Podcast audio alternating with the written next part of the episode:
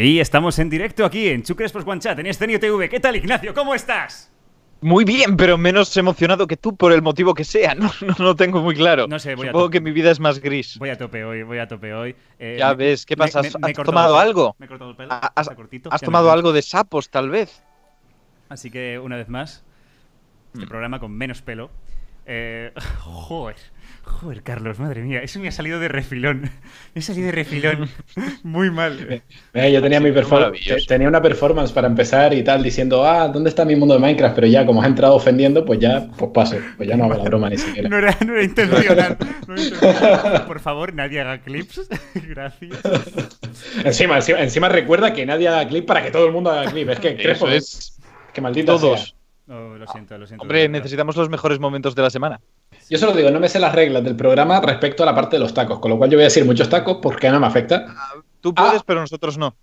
Ah, ah, vale, yo sí. Ah, vaya, mierda. Sí, sí, no nos no afecta, no afecta. Eh, Bien. bueno, ya sabéis, chicos, que las normas las tenéis aquí abajo por si queréis consultarlas. Y, eh, y Sí, nada, pero nos interesa sobre todo la parte, la parte roja, cómo perder denuncias, ¿vale? Eso es lo que tenéis esa que es la parte que nos interesa. Pero bueno, antes de nada, vamos Sí. a presentar a nuestro invitado de hoy, aunque es archi conocido y todo el mundo lo conocerá. De su pro- Archi. archi conocido. De su programa de aquí en Escenio TV que tenéis los lunes a las. Eh, fuck. Hostia.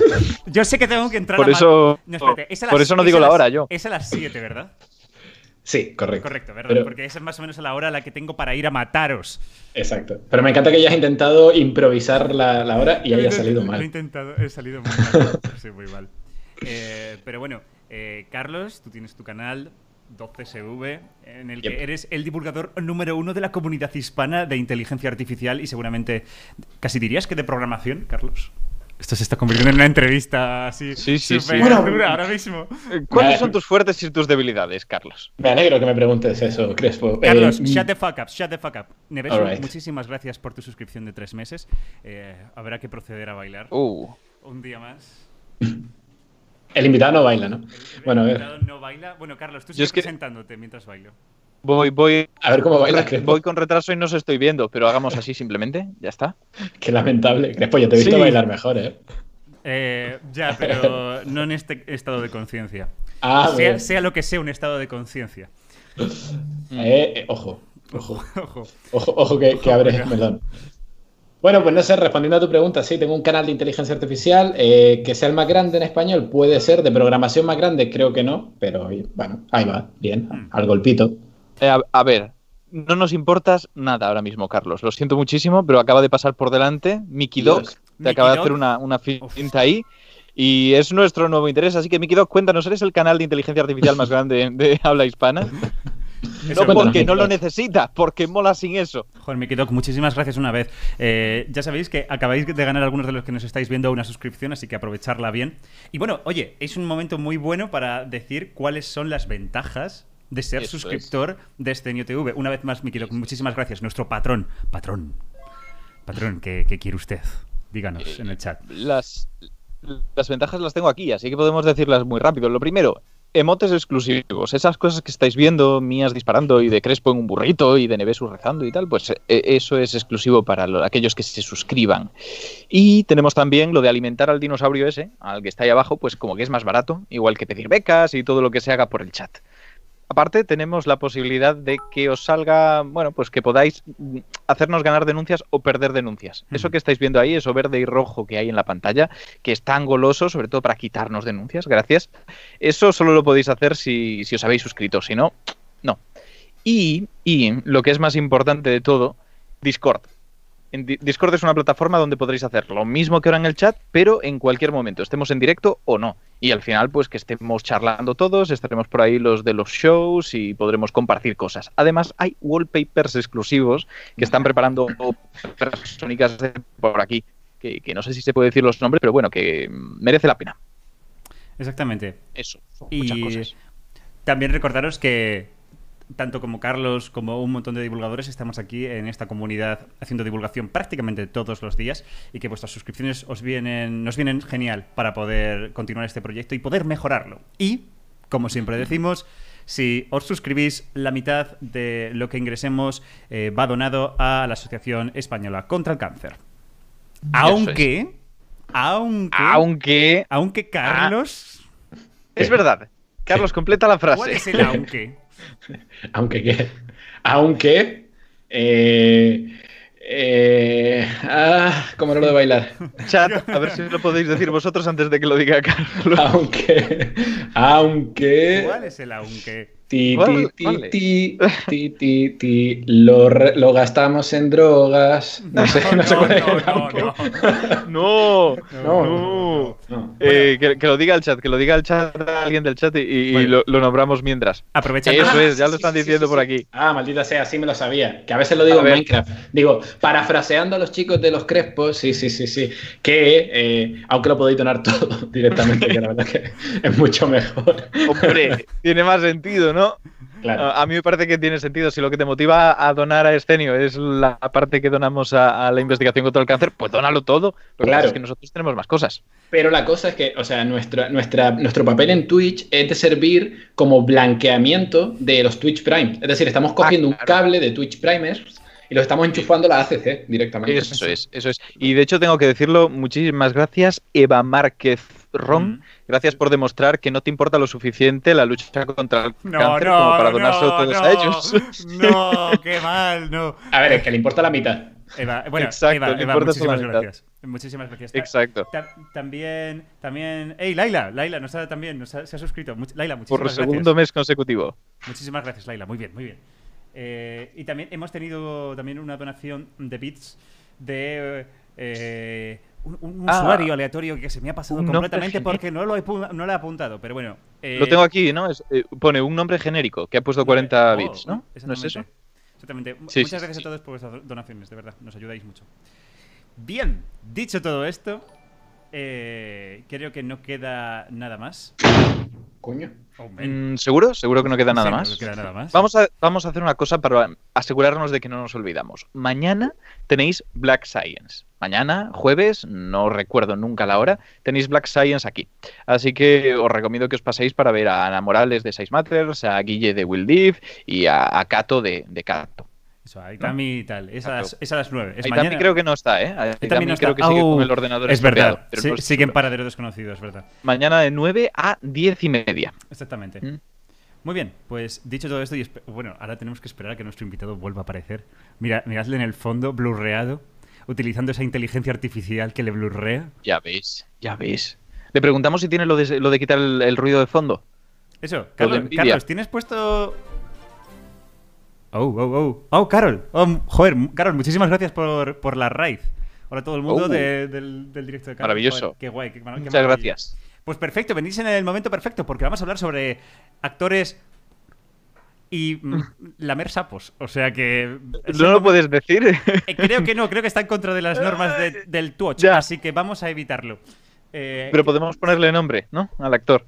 Sí, o sea... Así la gente lo entenderá. Sí, Porque igual creen que eso- vamos a hablar de actores de doblaje, ¿no? Y, y, No, y lamer no- sapos. No creo que haya ningún problema. Eh, Gracias, Carlos. Tu mensaje ha salido en pantalla en el directo. Sí. All right. Entonces, bien, vale, bien, bien, bien. Ha sido maravilloso. Y te has muteado. Sí, no, te- no se te está escuchando. No me escucháis, vale. Vale, No, Este es el informático, ¿eh? Tela. dese- Decía, empezad con los sapos un momento, que tengo que lidiar aquí con una cosa rápida. Y, Vale, y ahora sin sí, problemas. ¿vale? Sin problemas. Venga. Vale. Ahora, ahora te hacemos el, el repaso. Pero mira, Mikidoki de hecho nos ha dado un nombre muy bueno y es, eh, podemos llamarlo Ancho Dival. Ah, ah. Ancho Dival. Así que podemos bien. hablar de Ancho Dival. Y que efectivamente es un famosísimo actor no por. Eh, y bueno, lo, que- lo que, lo que ha pasado básicamente es que este directo, en, el, en este directo íbamos a hablar sobre inteligencia artificial y un poco todas las maguferías que rodean a la inteligencia artificial, porque hay mucha gente que especula con las posibilidades de la inteligencia artificial. ¿Y acaso... Lo demás. Exactamente. ¿Y acaso no es eso un tipo de pseudociencia y ahora te has duplicado?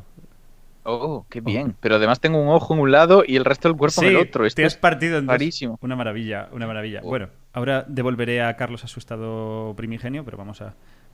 Entonces, Yo creo que te voy a, te voy a duplicar en las dos pantallas para que sea más divertido aún. Por favor, por favor, por favor. Esto, esto es parte de los efectos que tiene aquello que vamos a comentar ahora. Que lo sepáis. Es una maravilla. No, no, pero espérate, espérate. Uh, que nos espérate. acaban de donar, nos acaban de donar un montón de bits. No sé si nos han donado 100, 100 y 100, que son 300, o si nos han dado, donado 100, pero Twitch se, se le ha ido la pinza. En cualquier caso, muchísimas gracias. Dice, dice eh, Fame Crew, que es quien lo ha donado. Carlos, me robaste en el super chat en YouTube y ahora acá. Joder, acá. Joder, qué maravilla. Pues, pues muy bien. Qué maravilla. Bueno, muchísimas gracias a todos por vuestras donaciones, de corazón. Vale, dicho esto, vamos a dar un poco de background, porque nosotros íbamos a hablar de las maguferías estas, ¿no? Pero, sin embargo, eh, ha habido una noticia de última hora hoy que, que creo que es tan jugosa que es que no podemos evitar no comentarla. Eh, es que ha sido una noticia que ha dado la vuelta a toda la prensa, mayormente como un copia-pega. Hay medios, hay medios, ojo, que han publicado tres veces la noticia, que yo he flipado hoy al estar investigando. ¿Tres Una vez para hablar. Sí, sí, sí, sí, sí. Mis- mismo autor, o sea, mismo periodista, publicarlo tres veces. Han publicado el hecho, el, digamos que el ritual que se sigue para consumir la droga en cuestión y qué es la droga en cuestión. Pero ojo, porque dos de esos tres artículos son exactamente idénticos por dentro. O sea, ha habido un caos en la prensa súper loco. Porque la gente de repente se ha encontrado con una noticia que, ojo, una noticia que ocurrió hace un año, pero no han tenido tiempo para prepararla porque evidentemente todo esto se estaba llevando con más secreto de lo que a ellos les gustaría. Y de repente se han encontrado de bruces con que presuntamente bueno, es que la parte legal yo siempre la salto, no me interesa nada, nada, nunca. Pero bueno, que parece ser que, ¿cómo era? Ancho Dival. Ancho Dival A ver, es- yo, creo que podemos decir su nombre, no creo que presuntamente, exacto, cometió un homicidio imprudente, julio del año pasado. Sí, y además, ¿Cómo? y además es el contexto. Pues el contexto Exacto, porque fue... no es como estáis imaginando. Pues la mayoría de periódicos lo han titulado como en un ritual chamánico. Lo han titulado así. Empieza bien. Empieza bien. O sea, ¿qué, qué ha sido exactamente? Bueno, de hecho, creo que podría coger una de las noticias y os las enseñamos directamente. Espero... Preguntan por aquí si, si el homicidio involuntario fue con un porrazo. Ya ha vuelto. Oh, Carlos ha vuelto. Carlos ha vuelto. Pero no le vemos porque soy yo dos veces. Sí, todavía no le... es- Espérate un momento que active su cámara y lo ¿Pero devolveré. esto qué es? Three Crespos, One Chat. Eso, Three Crespos, Exacto. Uno inver- ¿Cómo puede ser que no hayamos hecho el chiste? que ha tenido que venir él. Tal cual, no, tal está- cual. No. Uh, qué triste. Pero bueno, he invertido uno para conservar paridad, o sea, está todo... Ojo, ojo. Todo estupendo. Bueno, Carlos, pon la cámara para que te ponga bien y esas cosas. Sí. Vale, voy, voy, voy. Eh, ah, Preguntan ah. por aquí mientras eh, coloca Carlos la cámara si estamos hablando de ayahuasca. No, no estamos No. hablando de ayahuasca. Estamos hablando de algo más potente. Sí, Supu- algo- supuestamente, ¿no? Sí, sup- eh, supuestamente, porque yo no he llegado a poder buscar estudios que digan si realmente es más potente o no. Me he centrado en leer otras cosas para saber de lo que iba el asunto. Eh, Eso, me falta. De todos modos, posiblemente escriba mañana un, un artículo expandido sobre esto para sacarlo el sábado en, en La Razón. Bien, con la parte molecular, que es la que interesa. Claro. Y ahí ya responder esas preguntas. Qué guay. Qué guay, qué guay. Eh, Pero ahora el contexto, ¿no? Sí, ahora simplemente una Creo que lo podría contar Carlos, que dijo que había estado leyendo la noticia mucho. Sí, les cuento. Estamos lo, lo de Nacho Vidal, ¿no? Eso es. Perfecto, nada, es un tema que trae mucha cola. Ah, Eh, qué bueno. A ver. Joder, también he hablado de los aguacates. A ver. Eh, Eh, eso es motivo de expulsión de verdad, ¿eh? Lo pone aquí abajo, ¿no? En la constitución del senio, sí. Podríamos hablar de eso luego al final. Eh, nada, pues que el señor Nacho Vidal ha estado chupando sapos por un No es un tema... eufemismo por Mm. primera vez. No tengo ni puta idea de lo que estoy hablando, pero bueno. a- por, por una cuestión de, de afrodisíaca, o sea, de que le estimula sexualmente para sus movidas, eh, tomaba sapos enteros. O sea, los chupaba rollo meterse el sapo entero en la boca y que cuando abría él su boca, permitía al sapo poder abrir su boca y, y croaba él. Y ya está, y esa es la historia. Pero bueno, se ha hecho bola, se ha contado súper mal. Ya, Eso- lo, lo veréis en la razón. Me encanta, el chat está muy confundido. Por cierto, eh, acaba de decir el dinosaurio que pistachología aquí no. Que lo sepáis. Eso. Lo ha dicho de verdad. Podéis no, hacer capturas si queréis. Lo ha dicho Sí, sí, Pilotes. Sí, sí, sí, sí, sí. Ah, o lo sea, juro, que ¿eh? Afirmas que se llama Pilotes. Vaya, vaya. Te estoy llevando a mi terreno, Ignacio. Eh, yo, yo le he llamado de todas las formas. Pero, vamos a ver, la cosa es que es ligeramente distinto. Ya habréis escuchado muchas veces eso de lamer sapos. Normalmente se refieren al sapo de caña, que está más extendido, que es ese que plaga toda, todo el Oceanía, de un lado a otro, eso que me he metido ahí, que se ha vuelto loquísimo. Pero realmente es algo que comparten muchas especies distintas de sapo. De hecho, el sapo de caña no tiene que ver necesariamente con el sapo que vamos a hablar en este caso, son de géneros distintos. Pero ambos producen bufotoxinas y otra serie de compuestos. Porque decimos bufotoxina como si fuera una cosa, una molécula. Le han llegado a llamar la molécula de Dios a la droga esta en la prensa. Pero Mm. realmente es un conjunto de moléculas muy complejas. O sea, si os si os quedáis un rato veréis que algunas tienen varios nombres, no solamente por el nombre químico y el otro, sino incluso varios nombres tox- de toxicología para estudiarlas. Es un cacao brutal. Pero, ¿qué efectos tiene? Estas bufotoxinas, que no se lamen necesariamente en el caso de este sapo de Sonora, de este bufo, lo que hacen es cristalizarlas, las secan y entonces las fuman como si fuera crack. Es, es una cosa bastante fuera de lugar, pero es que resulta que tiene efectos en niveles muy distintos. Por un lado, psicotrópico. Eso viene a ser el típico efecto de, de psicodelia, de de repente luces, de colores, de salirte de tu cuerpo, esa El, el típico efecto. ¿eh? Claro que sí, en los 70. Joder, joder, Ignacio, tu- tu- tus noches, ¿eh? qué alegría. para aguantar. que va, que va. Pero, por otro lado, es un inotrópico positivo y un cronotrópico negativo. ¿Eso qué significa? Eso son terminologías para referirse a drogas que tienen acción sobre el corazón. Quien dice drogas dice medicamentos. Por ejemplo, la digoxina, que es súper típica, es un inotrópico positivo, que hace que el corazón lata con más fuerza, que se contraiga con más ganas. Y el cronotópico negativo, o sea, positivo, lo que sí he dicho, vale, es, crono- es inotrópico positivo, late con más fuerza, y cronotópico negativo en este caso, que es que el corazón reduce su frecuencia. Late más lento. Esas dos cosas juntas a veces están bien, pero si tú ya tienes un problema de base en el corazón, o si de repente quieres someterte a hacer ejercicio, resulta que tu corazón no responde como toca y empieza a enviar menos sangre y por lo tanto menos oxígeno a distintas partes del cuerpo, principalmente a tus arterias coronarias, que ahí van a estar irrigando al corazón para poderle dar oxígeno al propio corazón. Si se quedan sin suficiente oxígeno, eso a la porra. Te quedas ahí en el sitio. Ostras. Y eso es algo parecido a lo que parece ser que le ha ocurrido a la víctima de todo esto, que era un fotógrafo bastante conocido, el que parece ser que murió en julio del año pasado en una fiesta privada con, con este, con Nacho Vidal y tal, y fue por consumir esta droga sin el control de personal sanitario que tuviera un poquito de conocimiento de lo que estaba ocurriendo ahí. Pero ¿qué pasa? Que hasta cierto punto podemos entender que se le dado la, la pinza de esta forma a, a aquellas personas que decidieron administrarlo, porque vemos prensa no seria, pero popular, como puede ser Vice, con vídeos en los que dicen textualmente que esta droga no tiene ningún tipo de problema, que esta droga es totalmente segura, que no es tóxica en ningún caso, que no puede producir nada. Y dices, ostras, vamos a ver, ya no te digo yo que se produzca una intoxicación fuerte por sus efectos eh, neurológicos, pero que te estoy diciendo que produce cosas como si fuera casi la adrenalina. O sea, eso Mm. te va a hacer latir el corazón a mil sin necesidad, te va a dilatar los bronquios. Si tú tienes enfermedades de base, es muy probable que te dejen el sitio. Es más, ya no digo humanos, pero es muy frecuente que allí donde hay sapos con este tipo de tóxicos, los perros los laman, les dan mordiscos y el perro no es que acabe viendo la luz y de repente convirtiéndose a una nueva religión, el perro se queda en el sitio. Claro. Y eso no es divertido. Entonces, de repente decir, no, totalmente seguro, que lo consuma quien quiera. Pues, ¿qué pasa? Que al final esta gente lo repite. Hay un vídeo de Nacho Vidal, que de hecho me lo pasaste tú, Crespo, por- porque cuando me lo Sí. dijiste esta mañana yo no sabía nada del asunto. De hecho, me gustaría que ponerlo. gustaría, me gustaría ponerlo y comentarlo un poquito, si a Carlos le parece bien. Sí, sí. Porque Yo es- además es- así acabo con mi speech. Es, es, es bastante interesante. Es este de aquí.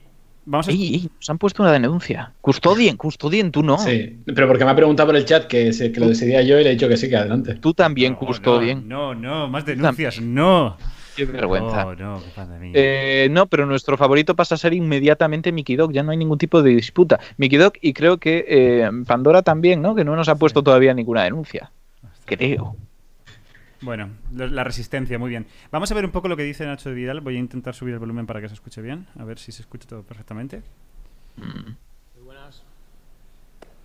Bueno, eh, me llamo Ignacio Jordá. eh, quizás eh, algunos. No se escucha, pero voy a aprovechar para decir que nunca me pensé que compartiría pantalla con Nacho Vidal.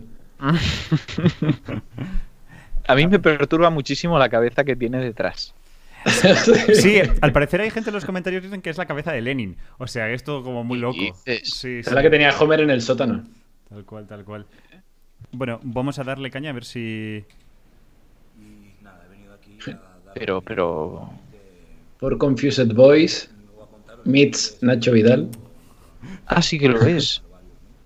Pues sí que es la cabeza de Lenin. Esto llegó a mí a través de uno de mis mejores amigos que estaba enganchado a la base. Estaba enganchadísimo a la base. Yo no oigo nada. Yo tampoco, pero tenemos que fingir que lo escuchamos. Oh, qué interesante, Nacho. Tú tienes que imaginar lo que puede estar contando este tipo en función de lo que conoces de él y pues actuar en consecuencia. De él y del tema que me habéis hablado, que bueno, hombre, da para unir muchos puntos.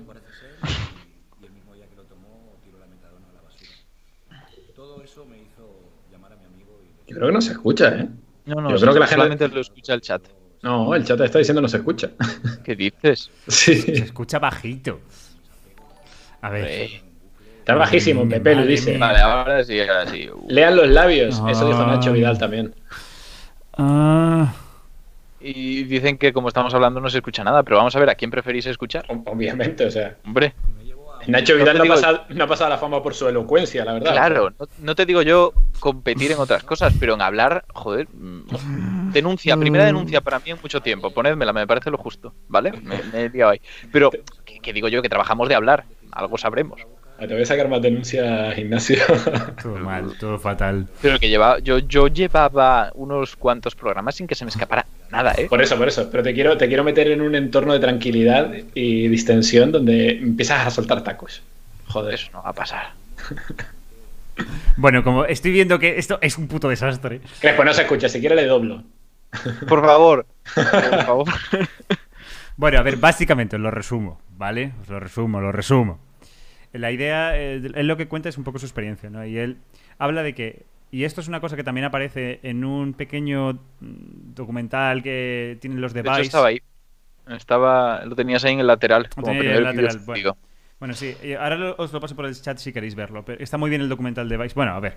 su- Ignacio, no, no, Igna- no. Ignacio lo ha visto y tiene 5.000 inconsistencias. Es que no está bien, es que no está bien. Muchísimas de las cosas que dicen son falsas. O sea, Sí, si quieres eh, quedarte con la parte en la que hace Sí. un pequeño estudio antropológico para decir de dónde viene la- el uso de este tipo de drogas en la cultura indígena, me parece guay, porque Eso parece, me parece sin yo saberlo, que eso está bien. El problema es que además lo utiliza para justificar su uso y su, su eficacia, diciendo, es que lo llevan usando tiempo, es que se lo dio un dios amarillo y la sustancia es amarilla cuando cristaliza. Y dices, ¿qué me estás diciendo? Eso no son argumentos. Pero es que luego en la parte biomédica es donde realmente mete gambazos. Sí. Así que si queréis verlo, que sea supuestamente por la parte antropológica. Supuestamente. Sí, eso me refería, que es la parte que me ha gustado, ¿no? Que, pues eso, que por es si un- acaso, ¿eh? Por si acaso. No, no, como recomendemos aquí algo pseudo... Eso. eso. Bueno, pues eso. El- lo que dice Nacho Vidal es que básicamente tenía colegas que estaban muy en la droga y que una vez tomaron esta movida y tuvieron, pues básicamente un- un- una alucinación, un viaje de estos alucinógenos, empezaron a replantearse cosas introspectivamente suyas, ¿no? Y que dejaron la droga gracias a eso. Entonces él cuenta su experiencia eh, tomando la droga y efectivamente, pues habla mucho eso, lo de como un subidón de energía.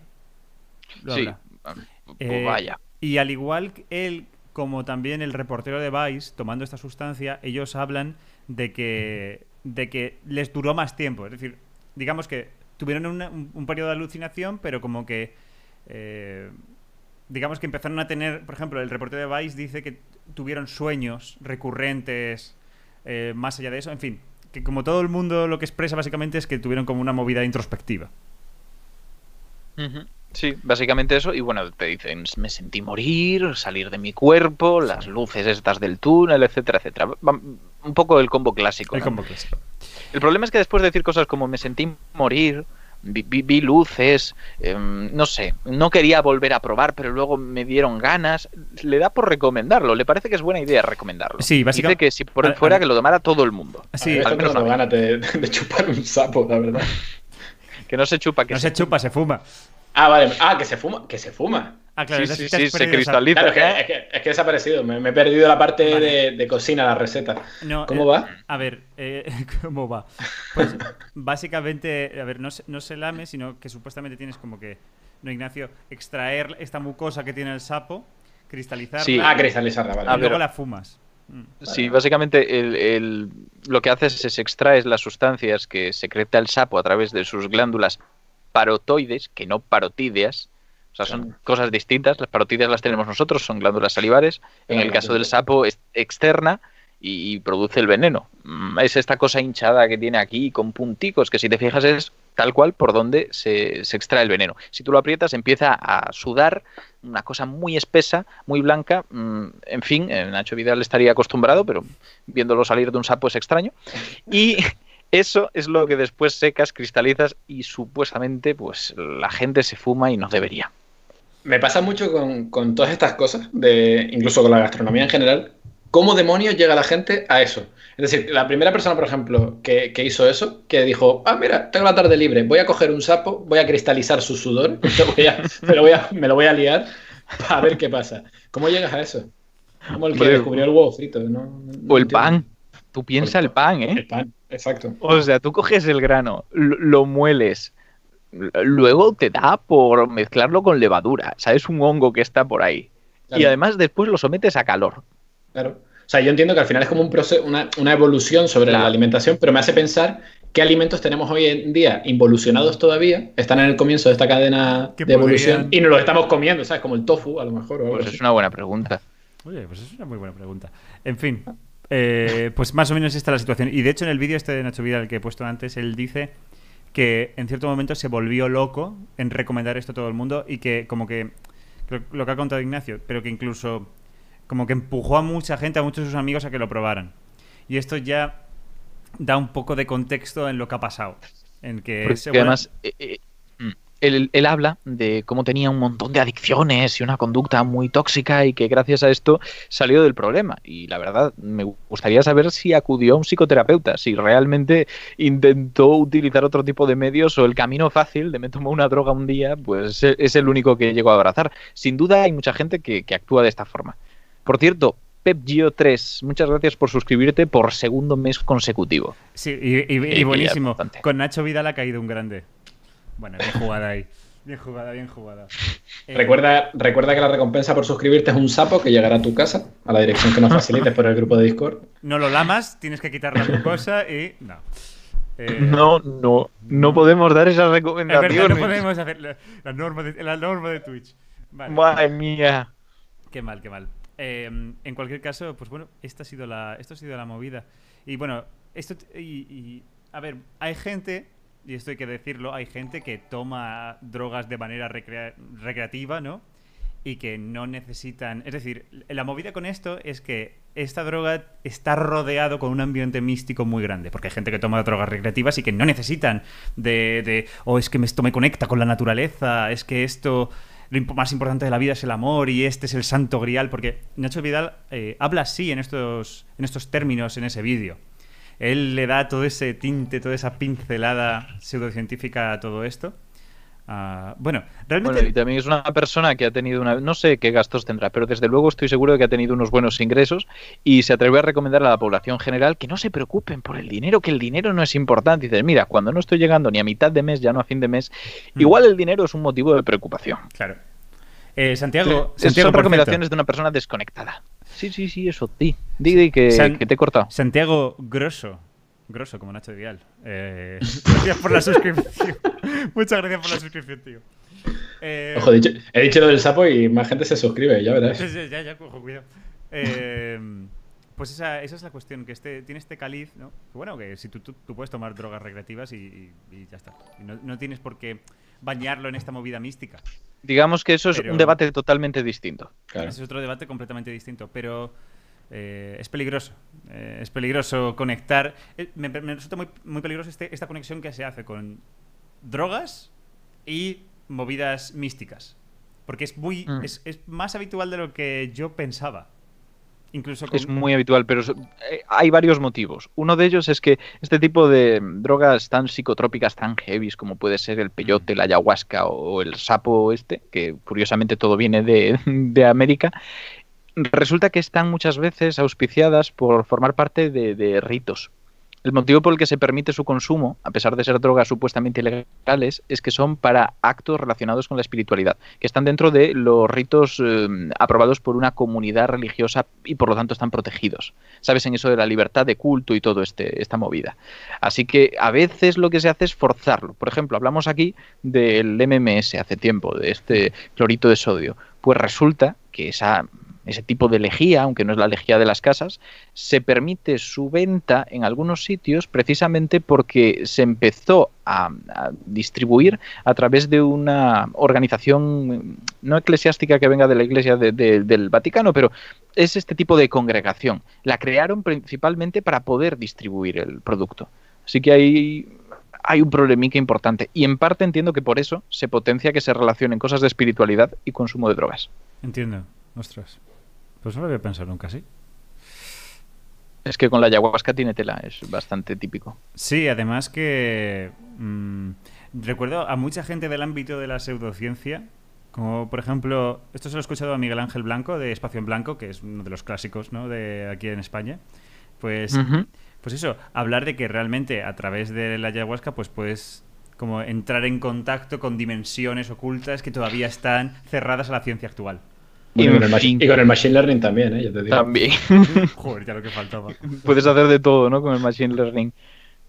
Eh, de todos modos, aquí preguntaban una cosa y me parece muy pertinente. Dice, oye, ¿y lo del homicidio qué? Porque no hemos contado nada. Pues básicamente es que dentro de esa insistencia tan incorrecta por parte de Nacho Vidal, pues cogió a un, no un amigo suyo, parece ser que era el hermano de una amiga suya y que tenía problemas de adicción y dijo, yo, yo te saco de eso, vamos ahí, nos reunimos todos, te metes esto y ya verás qué bien. Y resulta que al tío le dio un, le un apechusque, problema ahí cardíaco a base de haberse tomado algo que claramente tenía efectos cardíacos y tenía que haberse pues evitado. Y no solamente eso, sino que al parecer, y esto ya es donde entra el tema legal donde yo me pierdo, que el resto de gente de la fiesta privada esta, que creo que eran otras dos personas, pues no le atendieron en ningún momento. Pasaron de él. De forma que podía haberse salvado, pero por inacción no lo hizo. Fíjate. Y ahí está lo chungo de verdad, parece ser. Mira, nos han dado 20. Dicen, eh, nos, nos ha dado 20 bits Edhers84 y dice Edhers. la IA abriéndose camino en todos los ámbitos. Buena esa, Carlos. Exactamente, exactamente. Bueno, Ederes, muchísimas gracias. Muy bien, pues eh, tema Sapo, ¿algo más que comentar? Pues, pues no sé, a no ser que haya preguntas, podemos pasar a lo interesante, ¿no? eso. Sí, por favor. Sí. Carlos, sí, por favor, yo venía aquí a hablar de mis robotes. Va a empezar Operación Triunfo y me lo voy a perder. A ver. Sí, esa es la idea. Zorros. Pero, pero todavía no han acabado los de Operación Triunfo. No, han, bueno, han vuelto. Se- Segundas partes. Y ahora van a ser la semifinal hoy. Y el próximo miércoles la final. No quería hacer spam de Operación Triunfo tampoco. Pero... Pero bueno, ahí está. Pero- Yo, está. solo espero que los lunes hagáis el mismo spam del resto de programas de Stenio. Claro, eh, Masterchef. Los Hombre, lunes. vosotros además tenéis muy fácil hacer spam del siguiente programa, ¿no? Por eso de que Claro. acaba uno y empieza el otro. Es el único que conozco de la parrilla de SNTV. Me imagino. El siguiente que viene es el mío. Te has enterado de que esto estaba hoy aquí porque Claro. te lo hemos dicho. Claro. Qué cabrón. Bueno, en fin. En fin, No he visto preguntas, ¿no? En el chat, así que podemos pasar. No, no, incluso, eh, Pepillo incluso es fan de OT, corazoncito. Sí, sí, sí. Claro, claro. hombre. Que no, que no, que no, que no. Que no. no, no. Bueno, en fin. Inteligencia artificial, maguferías, vamos al hilo. Right. Eh, Carlos, ¿tú crees? ¿Qué pasa? O sea, eh, ya, eh, ahora hablaré un poco de esto porque creo que tiene que ver un poco, porque yo he tenido de vez en cuando contactos con algunos evangelistas. que Creo que también es, es una figura que es relevante un poco ah, tal vez en, esta, en este ámbito, pero es muy común que haya mucho hype. O sea, ¿cómo definirías tú lo que es la magufería dentro de la inteligencia artificial? ¿Es simplemente gente que tiene mucho hype? ¿Es gente que Hmm. son de esta gente que son futuristas, ¿no? Y que se piensan que tienen algún control de cómo va a ser el futuro e intentan predecirlo y la lían. No sé, ¿cómo, cómo lo dirías tú?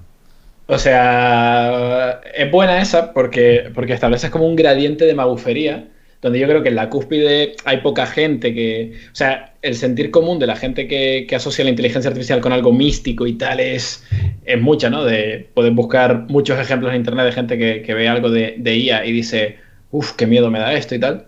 Pero la gente que comulga con ello, que hace, que lleva ese sentimiento, pues como sería vuestros pamies y toda esta gente, ¿no? Los que, los que la lían, en realidad, los que, los engañadores, de, de ese rollo no hay tanto.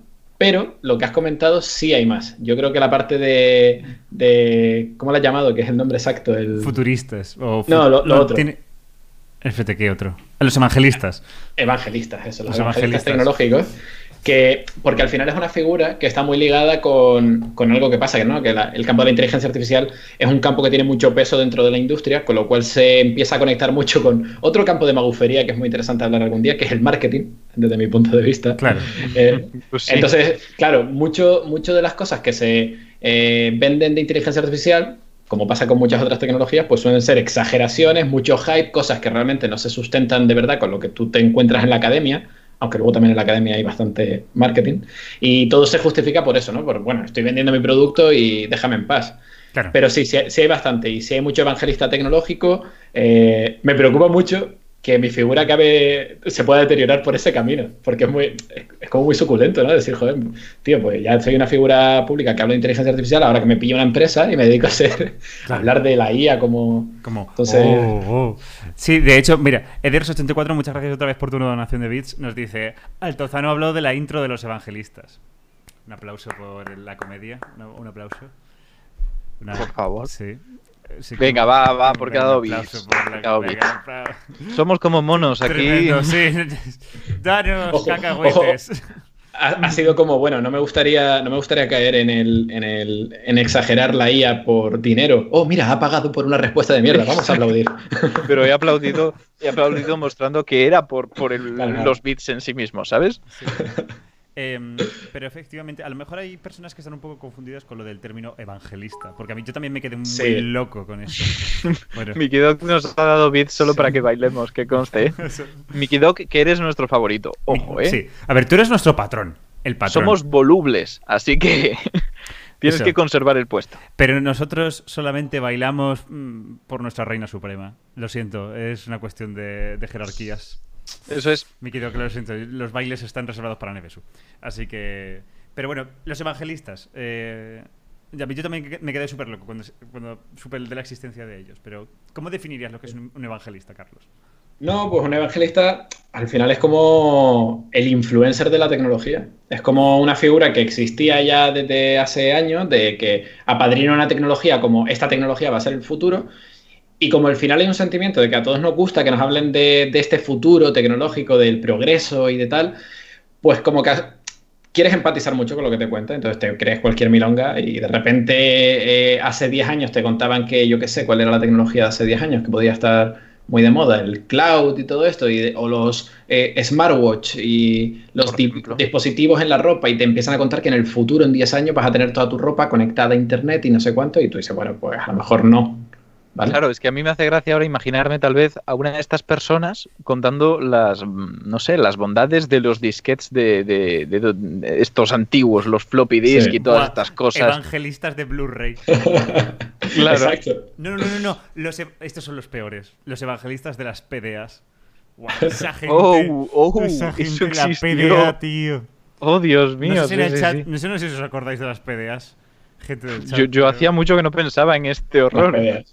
Bueno, la, la PDA es como la, la antesala del iPad, ¿no? Y todas las tablets, todo el Sí, mercado que abrió el iPad. Entero. Pero, ¿sabes? Sí. pero mal. Pero, eh, Pero Era mal. como una pero- DS que se había equivocado de orientación. Era muy raro. Sí, entonces, bueno, pues eso. Yo creo que luego también están los evangelistas tecnológicos que obviamente son lo suficientemente listos como para saber que cada ciertos años pues tienes que cambiar de tecnología. Y van pasando por cada tecnología. Entonces, claro, son expertos, pero sin serlo. Porque obviamente, pues hace unos años te hablaban de, de esto, ¿no? De los smartwatch, hoy te habla de inteligencia artificial y dentro de cinco años te habla de cuántica, de computación cuántica. Bueno, yo creo que ya están empezando incluso, ¿eh? Sí, sí. Al exacto. menos en el tema popular, por ejemplo, no sé si habéis visto la serie Devs, No, todavía no. eh, pues, pues es el punto central, ¿sabes? En lo que justifican cómo hacen lo que hacen. Y estoy empezando a ver e- ese rollo, ese patrón. Sí, bueno, hay que decir que dentro de los evangelistas pues habrá de todo. Habrá de gente que, pues eso, si al fin y al cabo son gente que comulga mucho con el marketing, pues bueno, hay gente que hace marketing ético Sí, sí, y hay ¿eh? gente que no. Hay gente que son más despiadados, hay gente que no. Y bueno, dentro Sí, de eso, pues hay gente que mete mazo la gamba. Sí, o sea, totalmente. La figura del evangelista tecnológico es en general eso, el eh, evangelizar, ¿no? El, el llevar, el ser como Claro. el que le, le cuenta al público esta tecnología. Yo podría estar encajado dentro de evangelista de la IA, si lo quieres llamar así, porque al fin y al cabo, pues hago divulgación de esta tecnología. Pero claro, hay algunos que se pasan de rosca, obviamente. Tío, qué pasada. Claro. O sea, qué pasada decir soy youtuber y evangelista. Me parece una pasada. Eso va a ir al LinkedIn, ya verás. Oh. Eh, bueno, en este sentido, yo creo También que. tengo que decir sí. una cosa. Existe un término, no, no sé hasta qué punto oficial, pero sí reconocido y que se puede buscar información al respecto con él, y es el de tecnooptimista. No es exactamente lo mismo, pero es una persona que tiende a coger uno o varios conocimientos tecnológicos y considerar que va a ser la solución a todos los problemas de la humanidad. Tú dame un problema que yo con esto te lo soluciono. Tú déjate en manos de la tecnología. La tecnología traerá la solución. Ese es el rollo. Y tiene, bueno, tiene ciertos paralelismos. Entiendo que no es exactamente lo mismo, pero por si queréis buscar y resulta que no hay nada de evangelista tecnológico, pues tenéis tecno optimista, utopista tecnológico, cosas así. Mola saber está dando uno muy bueno que es tecnoflipado. Me gusta. Creo que es bastante fino. Me gusta, Ah, me Ah, parece correcto. Pero bueno, en el caso, por ejemplo, de la inteligencia artificial, por ejemplo, Yep. decir que la inteligencia artificial evidentemente va a resolver todos los problemas del mundo, pues a lo mejor es pasarse, pero sí es cierto que es un campo tan amplio, es decir, es, es una herramienta, bueno, no es una herramienta, es un conjunto de herramientas, es, un- es que ni siquiera se podría definir como conjunto de herramientas, es un campo tan, tan, tan amplio que es como decir, es como, es como decir, eh, se, inventa, se inventan los números y alguien dice, los números van a arreglar todos los problemas del mundo. Y es como, Mm. eh, no, pero a la vez un poco sí, ¿no? Sí, bueno, o sea, la- o sea, al final la, la inteligencia artificial lo que tiene es, sobre todo ahora que por eso tenemos esta revolución, es el campo del machine learning, que no es un campo nuevo tampoco, pero dentro de este campo hemos encontrado una familia de algoritmos, que son las redes neuronales, que se comprueban que funcionan muy bien para eh, resolver eh, problemas de optimización, ¿vale? Al final es esto, es una, una capacidad, una tecnología que te permite aproximar una función. Si lo dices así, no hay ningún magufo en la sala, se van todos y se van a otra tecnología. Ahora, si empiezas a vender que esto es un algoritmo que aprende solo a resolver los problemas, que, que están inspirados en el cerebro biológico y empiezas a contar todo esto, esto ya mola más, ¿vale? Pero lo interesante de, de esta tecnología es que al final es una herramienta, como bien dices, fundamental y es transversal a muchos campos de estudio, con lo cual eh, un pequeño avance que se dé cada año, cada vez que sale un nuevo paper y mejora eh, a lo mejor lo que hace un año se optimizaba de esta manera, ahora lo podemos optimizar mejor, pues esto de repente tiene un impacto que capilariza en muchas ciencias diferentes y empiezas a ver avances en, por una parte en medicina, pero luego de repente te sale una mejora también en la parte de deepfakes, te sale un filtro para Instagram. Entonces, como que el impacto genera mucho ruido, porque genera muchos titulares bastante jugosos, pero luego la tecnología al final es una, co- una herramienta muy básica y transversal. Exactamente, es que... un- una, una pregunta muy tonta, ¿vale? Simplemente en cuanto a aplicaciones. ¿Tienes instalado lo de quitar el ruido de fondo? Ahora, no, ahora no, pero Ah, lo puedo poner. vaya. No, no, pero te lo pongo si quieres. Es que me, me Ah, ah. parece chulo, me parece para apro- comentar aprovecha- eso. aprovechando, es que Ana en el chat ha tenido un momento dorado, golden moment, que no se va a repetir nunca más seguramente, pero. Ana, de nombre Valles Ana, ha dicho, redes vallesanias, que se sepa, ¡Oh, que se qué maravilla! ¡Oh, qué! Ojo decir que, que Valles Ana no se llama Ana, se llama Anabel, pero vale, me parece correcto. A ver, ¿se, se oye este aplauso? Sí. Sí, sí, sí, sí, has quedado muy mal, ¿eh? y hasta aquí el Vaya, ¿dónde están esas inteligencias ahora? Sí, Nada, nada. Teníamos que haberle dicho que no, teníamos que haber fingido todos. Buah, es que hubiera sido muy Sí. bueno. ¿Te Es que no imaginas, era una ¿Te imaginas que las redes neuronales funcionan así, como todo el mundo fingiendo que funcionan, pero... que, que no funcionen y sea toda una conspiración para volverme a mí loco. En Sí. plan, ah, mira, el chico, el, el show de Truman versión canal de YouTube. Me encantaría. En plan, la- Ignacio sacando titulares de la razón ahí, en plan, bueno, ahora voy a poner esa noticia. Y yo, oh, qué noticia tan interesante. En plan, en plan, YouTube dando las recomendaciones todas mal, pero todo el mundo dice, oh, qué bien, esto me interesa mucho. En Todo a fin. posteriori. Mm. Bueno, Carlos, ¿cuál dirías que es la... Espera, espera. Hostia, ¿Se ha escuchado? ¿no? No, lo- no lo he visto tampoco. Oh, ahora sí. Ahora no sé si es cierto o no. No, no, no, no se No escucha has nada. escuchado, no lo has escuchado. El chat, el chat, chat, decirle la verdad, por Dios. Vale, vale, vale, vale, estaba aplaudiendo ahora y no lo estabas escuchando bien. Esto no se oye, ¿no? Yo hago así. No, Yo no estoy escuchando nada. Tampoco estoy escuchando. no sé, me estoy volviendo loco, tampoco sé, ya lo veré luego. Es increíble, es increíble esta Esto tecnología. es una maravilla. Pero, pero, aquí, ¿cuál es el precio? ¿Qué eso? Quiero comprar Quiero, tres. quiero, tome mi dinero. Yo como, como veo, no sé, es que no sé. Porque en el chat hay como no y sí al mismo tiempo. ala, Cabrones. Vale, Carlos, ¿cuál es, Clip, por favor, clip de esto. ¿Cuál es la magufería tecnológica relativa a la inteligencia artificial que más gorda que has visto? En plan, que Exacto, porque por aquí preguntan si no es todo la inteligencia artificial humo. Así que ya, ya te lanzan la pregunta muy fuerte. uh, big trouble. Big trouble. La inteligencia artificial tiene humo, ¿vale? Pero tiene humo porque hay mucha gente abanicando hogueras, ¿vale? Pero a día de hoy se pueden ver muchos ejemplos de, de ver cómo funciona y ya simplemente, o sea, tonterías tan básicas como el hecho de, eh, no sé dónde está ahora mismo el botón, pero eh, aquí se ve como que tengo el fondo difuminado, ¿no? Pues Sí. solamente este, este problema de segmentación, de saber reconocer lo que soy yo y lo que es el fondo, Mm. ya es una red neuronal funcionando y funcionando bastante bien. Vale, una cosa, me informa, me acaba, me acaba de saltar una notificación aquí abajo de mi madre y me ha puesto, hijo, no se oye. O sea, yo a mi madre la creo. o sea, me ha ¿Ves, confir- me ha ves, ves cómo estamos diciendo la verdad? Pero, pero nos está escuchando entonces la señora 12SV. Es verdad. Exacto. Bueno, la señora 2SV suena a esposa. Eh, No, hombre, mamá- no. Mamá 2. Pues, Mamá Eh. 2, vale, mamá 2, me parece correcto. mamá pues, pues saludos. Saludos a la madre de... Entonces, respondiendo a tu pregunta, Crespo, eh, la mayor magufería que he escuchado. Hay una magufería que me da mucha rabia y fue una noticia que se viralizó muchísimo y, y que casi es el Big Bang de, de mi canal, ¿vale? O sea, mi canal surgió a partir de esa magufería y fue una noticia que a lo mejor a algunos les sonará. Se hizo muy popular en agosto de 2017 cuando surgió esta, este titular de Facebook desconecta a dos inteligencias artificiales porque habían inventado su propio idioma, idioma y habían empezado a hablar. Buah, chaval. Buah, chaval. Ojo, cuidado con eso. Eso era una magufería, pero que me, o sea, que me sirvió a mí para darme cuenta cómo funcionaba todo el tema de, la- de las noticias, ¿no? En redes, que es como uno se inventa el titular y el resto lo copia. Tal Entonces, cual. Tal cual. Y, y fue espectacular porque justamente yo estaba planeando, ahí está, efectivamente. Eh, yo había planteado eh, empezar el canal en YouTube antes de que saliera esta noticia y había elegido como primer paper el paper del que se basa esta noticia. De hecho, tengo el vídeo subido en privado en el canal, como, como historia casi de, de, de .csv. Y, justamente, claro, me había leído el paper, había leído todo, y de repente cuando veo que empieza a salir esta noticia en base a este paper, digo, espérate, o sea, o yo no so- soy imbécil y no sé lo que acabo de leer, o aquí alguien se está inventando algo. Entonces, ¿de qué iba la vaina? La vaina era como que Facebook había inventado eh, un algoritmo que lo que buscaban era solucionar un problema de diálogo entre dos chatbots para poder aprender a negociar, ¿vale? El hecho de poder tener una, pues decir, oye, te compro tal cosa por tanto. Ah, vale, no, yo prefiero regatear aquí tal. Bueno, ese era el problema a resolver.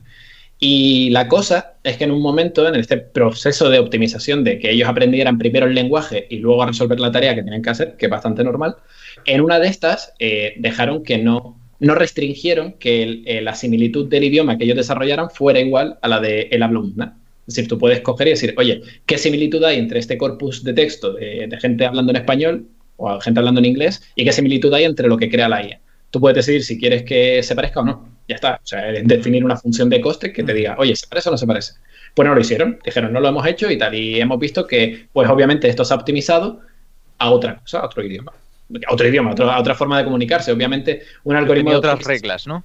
Claro, o sea, siempre te va a buscar una solución al problema, porque tú estás optimizando, es que es matemática, no es, no es otra cosa. Y básicamente, ojo la regla, el idioma que tuvieron que, que inventarse era que en vez de decir eh, quiero tres pelotas, decían pelota, pelota, pelota. ¿Vale? O sea, hablaban de la ocurrencia de la palabra, era la- el número. Eso, eso era, era eso, era eso. Y el paper lo referencia con un parrafito que dice, cuando no hemos restringido el, el modelo del lenguaje, pasa tal cosa. Bueno, pues ya está. Hubo alguien que tuvo la idea feliz de coger esto y decir, ah, vale, esto ha sido que tenían dos robots ahí en el despacho hablando, y entonces han empezado a hablar en ruso y han dicho, oye, comunismo, comunismo, vamos a, a reventar a la sociedad humana, because why? Entonces llegó Mark Zuckerberg con sus fuertes brazos, tiró de cada cable que conecta a los robots, porque sabemos que los robots son manos con, con cables aquí atrás, como en Matrix. Tiraron fuerte y los desconectaron. ¿no? Y, y eso se viralizó y se convirtió en una noticia que es que a día de hoy todavía, y creo que en, algún- en alguna charla con, con Pepe lo ha pasado, de que la gente dice, cuando termina la charla, abres ronda de preguntas, y la primera pregunta es, oye, perdona, ¿y lo de la IA qué? Y es como, Dios. Pero me lo ha dicho gente adulta y niños y de todo. Sí, No pero me extraña. Pero que, que iba a decir, Ah, yo tengo una duda y es si la gente que hace esto lo hace por ignorancia o porque tiene una imaginación brillante. Porque alguien que entienda el paper y saque esta conclusión es que lo que tiene es una imaginación brutal, que ha querido montarse la película para recibir clics y de verdad me quito el sombrero. Me parece poco ético, pero han hecho un trabajo de, de producción no sé, de verdad, que me parece que como para radioficción, tal cual. Ya, no sé, yo diría que es una mezcla de las dos cosas, ¿no? Que no, no sé cómo le llegará la. O sea, no sé cómo llegará esa gente al paper, pero llegan al paper, leen eso, no lo entenderán por ignorancia y dirán, pues relleno los huecos con lo que se me ocurra, así total. Va a ¿Quién, se va a leer el paper? Claro. Tal cual. Madre mía. Iba a decir algo, pero se me ha ido a la puta cabeza, gracias. Es que te. te- sí, te, te he interrumpido. Ya no me acuerdo. Iba a decir algo. No, no sé.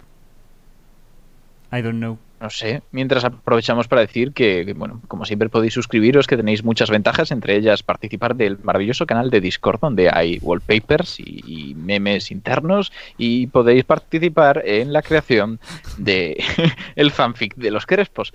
Que, que lo sepáis. Es más, vamos a decir una cosa, ¿vale? Esto, esto posiblemente ni siquiera ocurra, pero digamos que tenemos, imaginaos, ¿vale? Que tenemos una idea de programa Crespo y yo, así una cosa muy loca, y que realmente para poder participar en esa idea de programa tenéis que estar suscritos.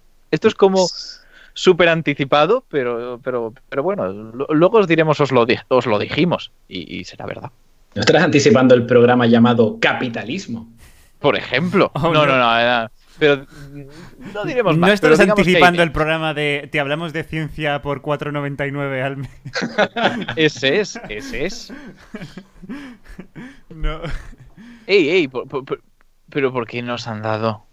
¿Por qué nos han dado? Ah, vale. Un taco. Que hay otro más. Oh, Dios mío. Sí, lo siento, se me, se me ha ido de las manos. Sorry, guys. Después estamos a 16. Estamos a A 16 solamente. 16. Estamos a 3 de junio. Es verdad. Estamos a. Esto queda. Queda, queda poco para fin de temporada, o sea que sí. Uy, es sí, verdad, es Claro, verdad. Si llegamos a fin de temporada. Eso es a verdad. salvo, podemos Que sobrevivir. la temporada ya tiene fecha de acá. Lo que pasa es que uno, dos, tres, cuatro, cinco, seis programas quedan. Quedan, quedan seis programas para final de temporada, ¿eh? Alrededor. Bueno, Uf. de todos modos, de todos modos. eh, aparte de las inteligencias artificiales que hablaban entre ellas, eh, Carlos, ¿tienes algo más en la guantera que te, que te pirre, que te encante, que tú digas, oh, so good? No, que me, que me pirre, no, al revés. eh, que deteste. Eh, si bajamos el nivel, si bajamos el escalón de decir, vale, no se inventan las cosas, sino que juegan en la fina línea del marketing y el engaño, aparece mi, mi, mi archienemigo del canal, que es el robot Sofía.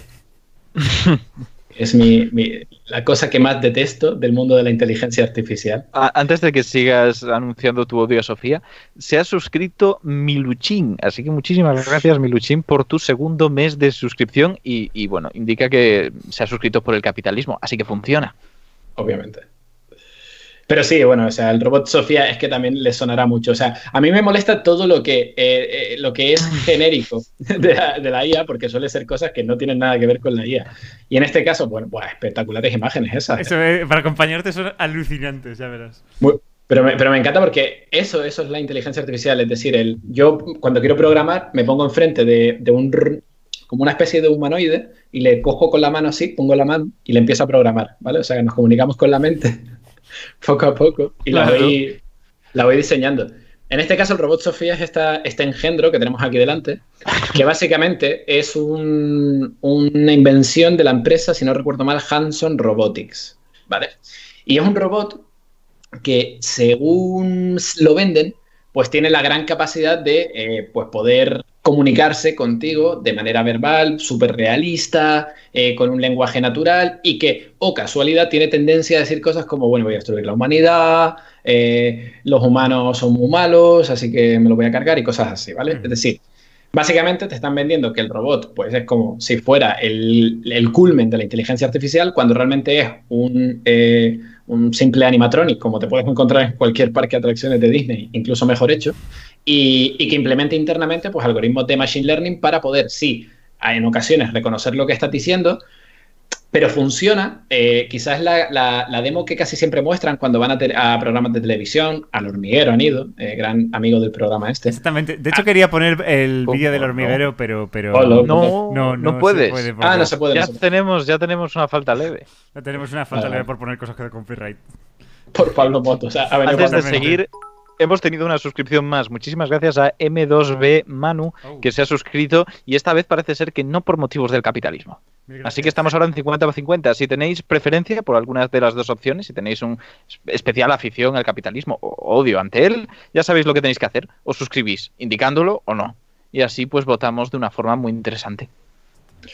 Bueno, pues, pues eso. Eh, en ese programa al que no me voy a referir, pero donde tienes, eh, tienes cosas que se mueven, que parecen hormigas y dan miedo. Podría ser la definición de Sofía también.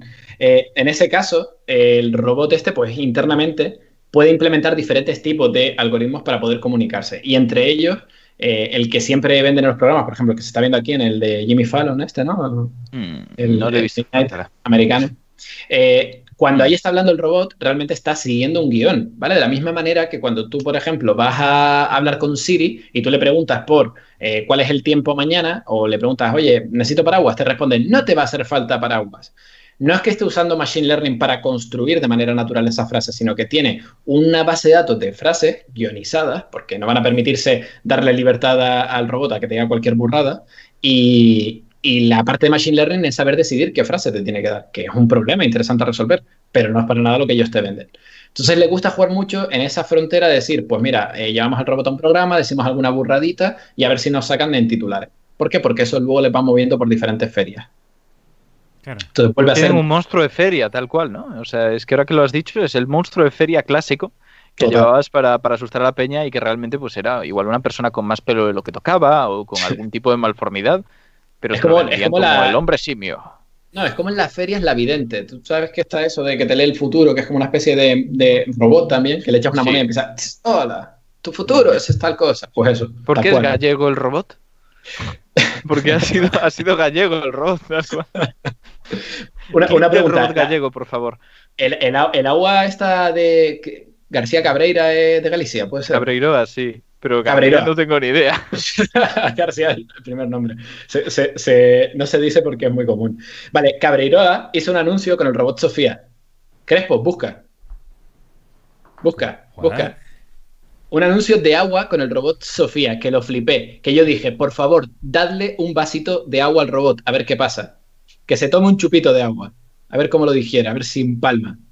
¿Vale? Por eso sale en gallego el robot, en este caso. Espérate, es que hay como dos.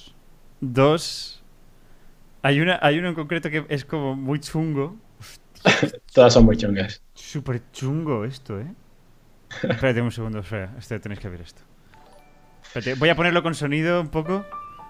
Ojo, ojo, sí, sí, sí. sí. Eh, eh, ojo, ojo, espera, antes de ponerlo, páralo. Eh, al ser un anuncio y acabar de poner una marca, estamos haciendo lo mismo que lo del hormiguero. No me digas, ¿en serio? Pero si es un anuncio. Yo, yo no- no, estoy seguro, ¿eh? No estoy seguro. Lo digo porque lo pensemos un par de veces antes de hacerlo. Vale, vamos a dejar que Arcadi y. Nevesu, que creo que andan por aquí, nos digan si esto sería. Se, puede comentar, y- se puede comentar fotogramas, ¿no? De- del vídeo. Eso sí, fotogramas parados sí. Vale. Déjame ese fotograma, Crespo, que me encanta ya de primera. Espérate un momento. O sea, eh- lo, esto- lo estoy viendo yo, voy a ver. Joder. Dice fotogramas sí, pero el vídeo no. Vale, pon los Bueno, no fotogramas. han dicho lo del vídeo no, pero lo saco por contraposición. Crespo, pon fotogramas, pero pon 30 fotogramas cada segundo. ¡Oh, qué bueno! Espérate, es que es súper loco esto. Pero, pero ¿a quién se le ha ocurrido eh, esto? pero- pero deja que lo veamos todos, por favor. O sea, y nos reímos todos. Es que. Sí, es que tienes la otra pantalla puesta. I know, lo sé. Pero bueno, era, era maravilloso porque ya se. que, qué horror, madre mía. Y luego tienen la. Es que Yo creo que esta la- es. Esta es la clave. Esa, esa, esa, esa. Esta es la. Ojo, cuidado.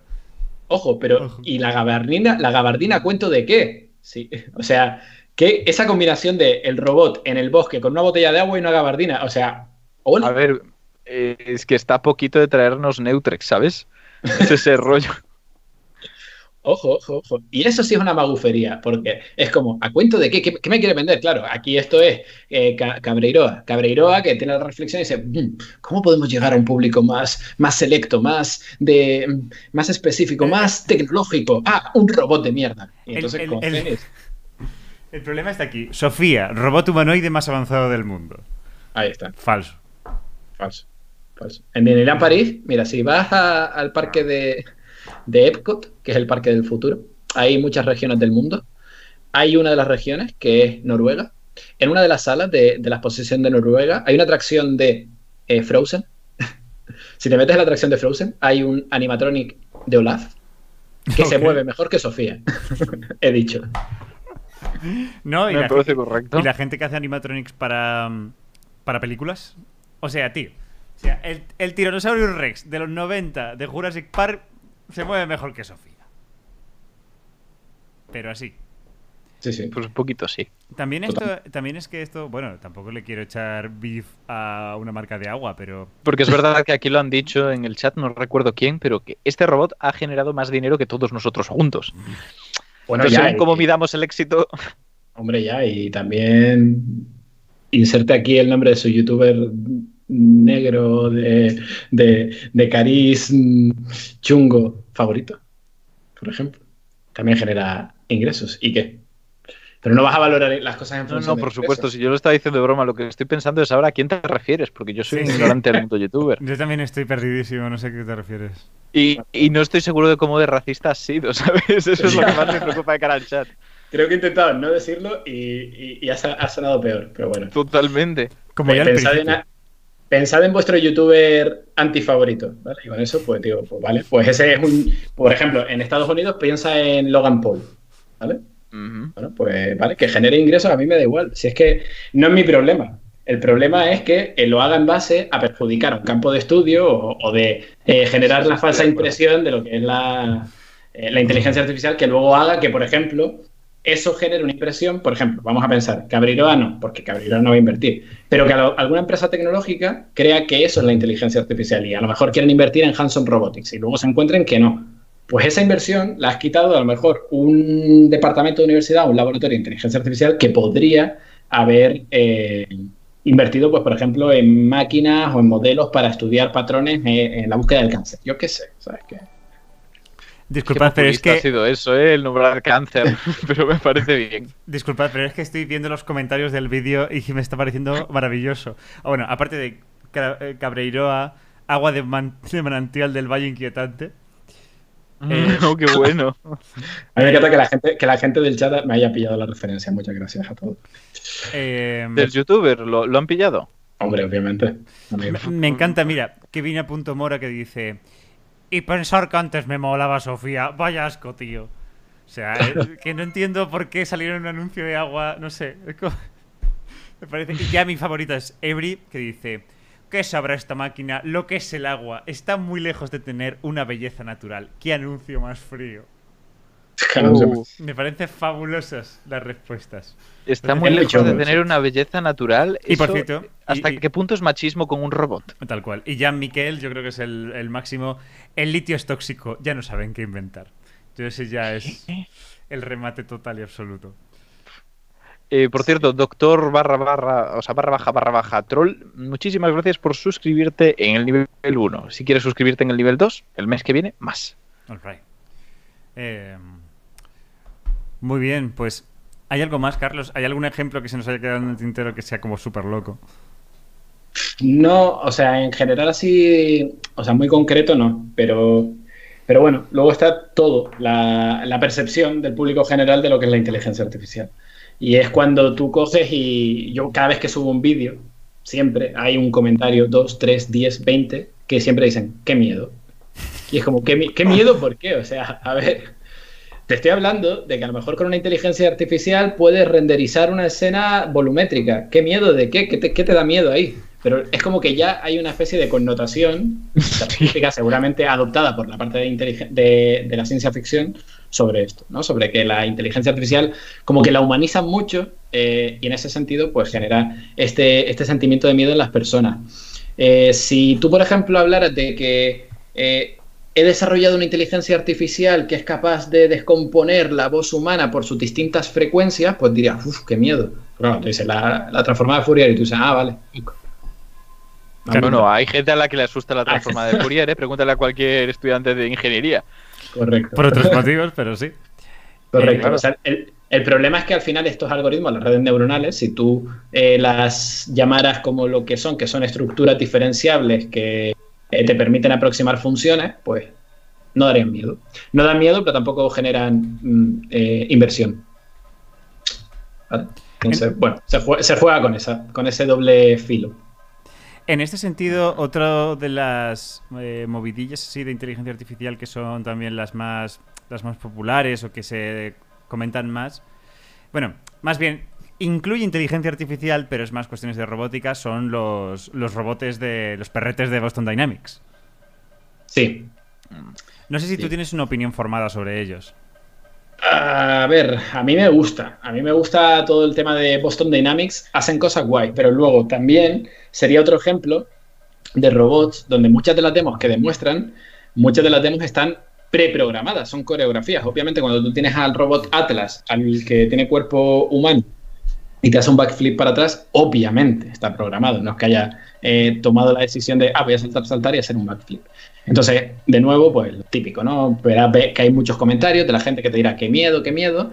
Pero luego es cierto que hay un producto. Aquí sí hay un producto que dentro de lo que cabe, pues te puedes comprar a Spot, que es el PRT este, y sí te puede hacer labores de detección, te puede seguir, puede evitar obstáculos. O sea, ahí sí, sí noto que dentro de la propuesta de marketing que te hacen hay un valor que justifica ese marketing. Ujú. O sea, no me parece tan exagerado.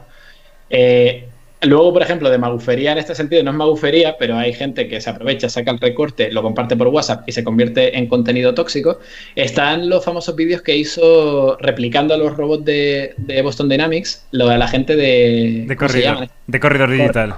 Oh, Corredor qué digital. bueno, qué bueno eso. que son muy buenos, son muy buenos vídeos, pero claro, si de repente los sacas de contexto y lo pasas por WhatsApp, ya está, ya estás cogiendo la información real, la información intoxicada, la estás mezclando todo y dices, venga, a jugar. Entonces, ese es el problema. ¿vale? De hecho, no lo, no lo puedo poner por derechos de autor, pero os lo voy a pasar por aquí por el chat para que lo veáis porque es un pedazo de vídeo. O sea, es todo 3D. Es todo 3D. Sí. Pero aún así replican muy bien los robots de Boston Dynamics y encima como que replican muy bien los vídeos estos de test que tienen y, y parece de verdad y básicamente pues es el robot cabreándose y, y liando la parda con gente. Yo es que se los puse Está a mis muy- padres en plan troleo y coló. Es que cuela. y me lo, es y que me lo pasé colar. muy bien, me lo pasé muy bien. Es que cuela mucho, pero, pero claro, con el. Hay que controlar que eso no se, que no pierdas la referencia final de que, de que es mentira. Es Pero que bueno. es el tema. Como historia, como historieta, está guay, es gracioso. Porque al final va a lugares comunes, ¿no? El típico robot que, bueno, por motivos del trato humano acaba revelándose. Pues al final es ciencia ficción. Pero claro, También es cierto que también es cierto que puede ser que esta tecnología tenga algunas limitaciones. Yo he escuchado gente que decía que la manera que tienen de ver estos robots es básicamente como una movida láser y tienen el, el- sí, la movida esta. Y que es muy costoso, es muy pesado y por eso mucha gente como que intentaba suplirlo con otras cosas, pero que todavía no lo tienen como muy bien resuelto. Sí, o sea, este, esto es la, eso está muy guay y es una batalla que se está librando en el mercado de los coches autónomos. Y es el tema de, o sea, al final la misma tecnología que te sirve para controlar la tridimensionalidad de la escena y que se pueda mover un robot es la misma que la de un coche autónomo. Un coche autónomo es un robot. Eh, entonces, en ese sentido, hay como dos mercados. Uno está el que apuesta por usar un LiDAR, que es el, el dispositivo este que lo que te hace es sacarte una señal láser que va rotando y va haciéndote el mapeado tridimensional del mundo, con lo cual ya tiene ganado una- uno de los problemas que cuando tú conduces como humano, tú estás resolviendo un problema, que es a partir de tu visión estereoscópica tienes que intentar inferir toda la, eh, la tridimensionalidad de la escena, entender todos los elementos que hay, desacoplar los fondos, todo esto. Eso ya con el LiDAR lo solucionas, con lo cual eh, permites que todo el procesamiento vaya a la parte de todo lo demás, a entender qué hay en la escena, entender cómo se tiene que controlar el coche, etcétera. ¿Qué pasa? Que es muy caro el dispositivo. Es tan caro que hace que este mercado eh, le cueste surgir, porque de repente un coche, si tienes un dispositivo que yo qué sé, no sé cuánto cuesta, pero que te cueste 20.000 euros más el coche por tener ese dispositivo, mal. Entonces viene un señor que dice, oye, voy a hacer una propuesta a lo loco. Voy a coger estos coches y lo voy a hacer sin LiDAR. Ese señor es Elon Musk, ¿vale? Para variar. Entonces llega Elon Musk y dice, vamos a sacar una flota de coches que son los Teslas, pero en nuestro caso vamos a basar todo con visión por ordenador. Es decir, vamos a poner todo el sistema de cámaras alrededor del coche, unas ocho cámaras en total, vamos a poner algún sensor como un radar, que tiene menos resolución espacial, pero bueno, nos puede servir para ayudar al sistema, y a partir de aquí, eh, que sea el algoritmo de inteligencia artificial el que aprenda a entender toda la tridimensionalidad, la tridimensionalidad de la escena, tal, tal, tal. ¿Qué pasa? Que confías mucho en esos algoritmos él dice, oye, los humanos lo pueden resolver. Si los humanos lo pueden resolver, pues el coche también aprenderá. ¿Vale? Está bien, como idea está guay. Eh, lo interesante aquí es que su propuesta, su, su, modelo de negocio, es decir, si yo no uso LiDAR, el coche es más barato. Si el coche es barato, es competitivo. Si es competitivo, mucha gente lo compra. Si mucha gente lo compra, voy a tener una gran flota de coches en el mercado. Y eso me va a estar generando muchos datos de conducción que me va a dar la ventaja competitiva frente a cualquier otro competidor. Y parece que está ganando la batalla. En ese sentido, Tesla parece que está haciéndolo muy bien y están solucionando todo ese problema de visión por ordenador y, está ganándole el mercado a, por ejemplo, a Waymo, que es la empresa de conducción autónoma de, coches. Claro, y yo creo que esta es una de las cosas que más se tiene que quedar la gente que no tenga mucho control del mundo este de la inteligencia artificial, es la relación entre datos inteligencia artificial o machine learning.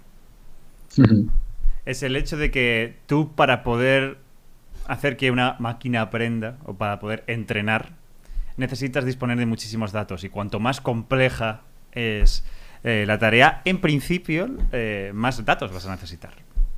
Correcto, sí, o sea, en este caso, sobre todo cuando se habla del aprendizaje supervisado, ¿no? uno de los paradigmas que hay de, aprendizaje dentro del machine learning, pues es que tú tengas para cada, eh, tú tienes un input y tienes un output. Y tú lo que quieres es que tu red aprenda para este input, este output, ¿no? O sea, si yo te doy una imagen de una carretera, que tú me des como output el control de cómo se tiene que mover el volante y los pedales. ¿Cómo consigues eso? Pues mostrándole muchos ejemplos al sistema de Deep Learning para que poco a poco se vaya entrenando y luego pueda aprender a generalizar su conocimiento. Que puede llegar una nueva imagen que no haya visto anteriormente y te pueda generar una predicción que es correcta. ¿Vale? En ese sentido, esa es la idea. Claro, esa relación con los datos pues te hace pensar que eh, eh, dependes mucho de los datos, de la calidad de tus datos. Y si tienes datos que estén secados, datos que estén mal escogidos, datos que no representen la realidad, pues tu sistema va a aprender mal. Y esos son algunos ejemplos también que se han visto, eh, que suceden y que también te llevan de nuevo a titulares magufos, como pues entrenas un chatbot con conversaciones de Twitter y, oh sorpresa, sale racista. Oh, ¿quién lo hubiera esperado, verdad? Pero claro, ya te empiezan a hablar de una inteligencia artificial que es racista, que no sé qué, que no sé cuánto. Y vuelta, y vuelta, y todo mal. De hecho, voy a pasar por el chat para los que os interesen más este mundo de la inteligencia artificial y el coche y cómo se está em, se están aproximando al problema de la conducción automática. Os dejo el vídeo que hizo Carlos sobre los coches. Os lo dejo ahora mismo que está súper bien, súper interesante sobre el problema este que hay de cómo aproximarse a la conducción automática a, partir de ahí. Muchas gracias. Eh, a ti, guapísimo, por venir. Y, oye, si queremos meter ya a un elemento magufo que también es bastante interesante, que ya lo hemos eh, mencionado y así podemos hablar un poquito de él, del famoso Elon Musk. Oh, oh me gusta, oh, me gusta, me gusta. Si es hablar de Elon Musk, para más eh. me parece bien. Ojo, eh. Ojo, porque eh. Ojo, eh, porque aquí estamos tocando el tema también que tiene mucho fanatismo. Además, estamos en una semana que la figura de Elon Musk está en la alza. Pero aquí, aquí hemos hecho eso muchas veces. O sea, tratar gente que estaba a la alza y con mucho fanatismo y decir, oye, pero ¿qué ha hecho realmente?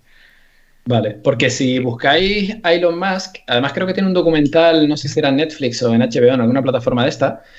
Plataformas rigurosas donde las haya, sí, señor. Sí, sí. Bueno, tiene un documental sobre inteligencia artificial que lo lleva todo como muy al sensacionalismo. Y Elon Musk es una de estas personas que te hablan y que tienen miedo de la inteligencia artificial.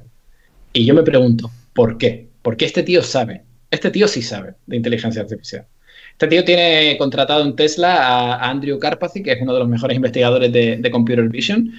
Y el tío cuando toca hacer una charla de Tesla sale Elon Musk y te habla de los modelos, te habla de cómo los entrenan y tal, como si fuera eh, un doctorado de, inteligencia artificial. Entonces, ¿a cuento de qué me vienes a hablar de que la inteligencia artificial es un peligro en el futuro? Yo sospecho que es una cuestión económica. Hmm. Yo sospecho que es una cuestión económica, pero que de cara al público lo vende como algo místico. Porque él te habla de que hay un peligro de, de que la IA se puede descontrolar y de que en un futuro, si esto no se regula, pues se puede descontrolar.